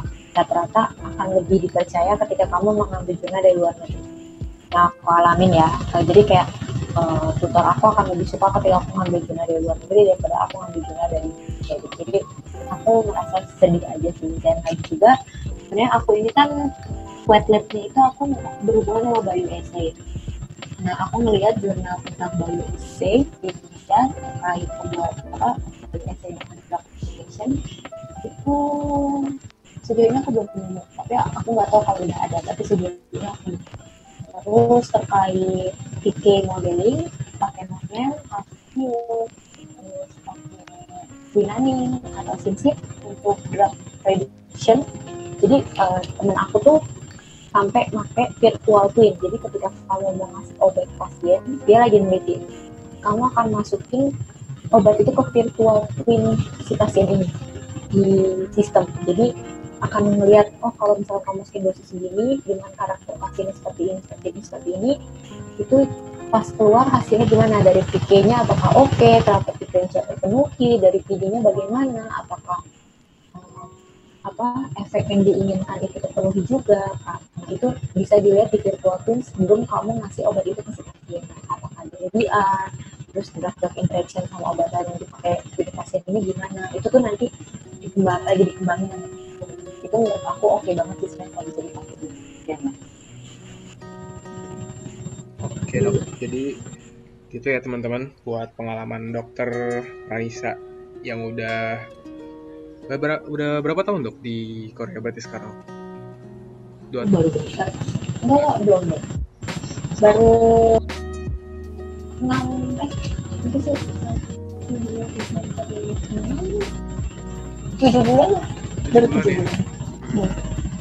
keren sih dok. Baru tujuh bulan tapi pengalamannya udah kayak gitu ya. Udah sabrek banget.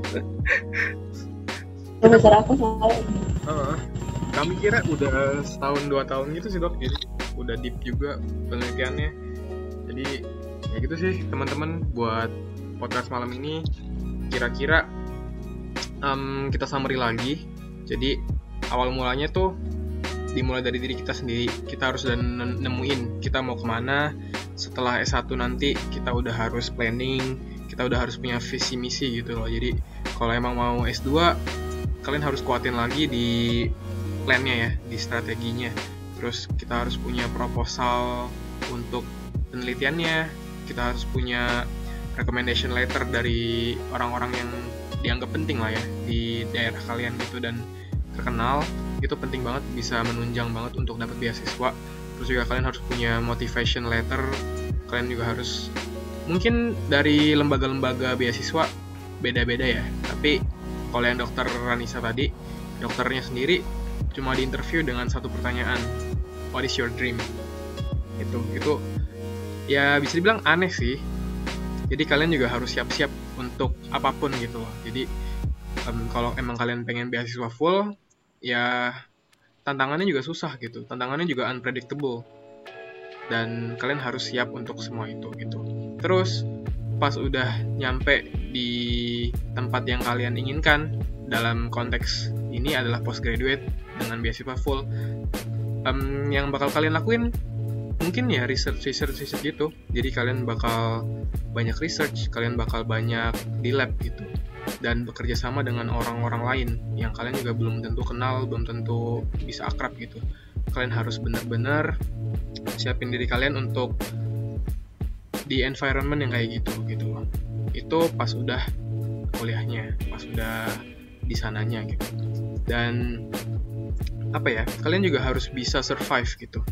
Karena research itu nggak gampang. Research itu tadi dalam banget gitu loh dan kebermanfaatannya juga bakal jadi sangat luas kalau researchnya kalian sukses jadi sepadan banget dan ya gitulah kita harus tentuin dulu dari diri kita sendiri intinya sih gitu kita mau ke mana visi misi kita apa aja. Itu yang paling penting ya teman-teman. Terus dari saya sih itu mungkin dari dokter Anissa ada lagi yang mau kata-kata penutupnya untuk podcast kali ini? Itu sih sebenarnya uh, jangan takut bermimpi sih karena awalnya Ah, maaf dok suaranya kecil nggak kedengeran. Ya uh, kalau dari aku sih sebenarnya Iya. jangan takut bermimpi sih menurut aku ya karena awal mulanya aku ke sini pun awalnya dari mimpi dari sebuah mimpi untuk sekolah di luar negeri. Karena aku sempat punya rencana untuk ngerasain sekolah di luar negeri itu gimana sih?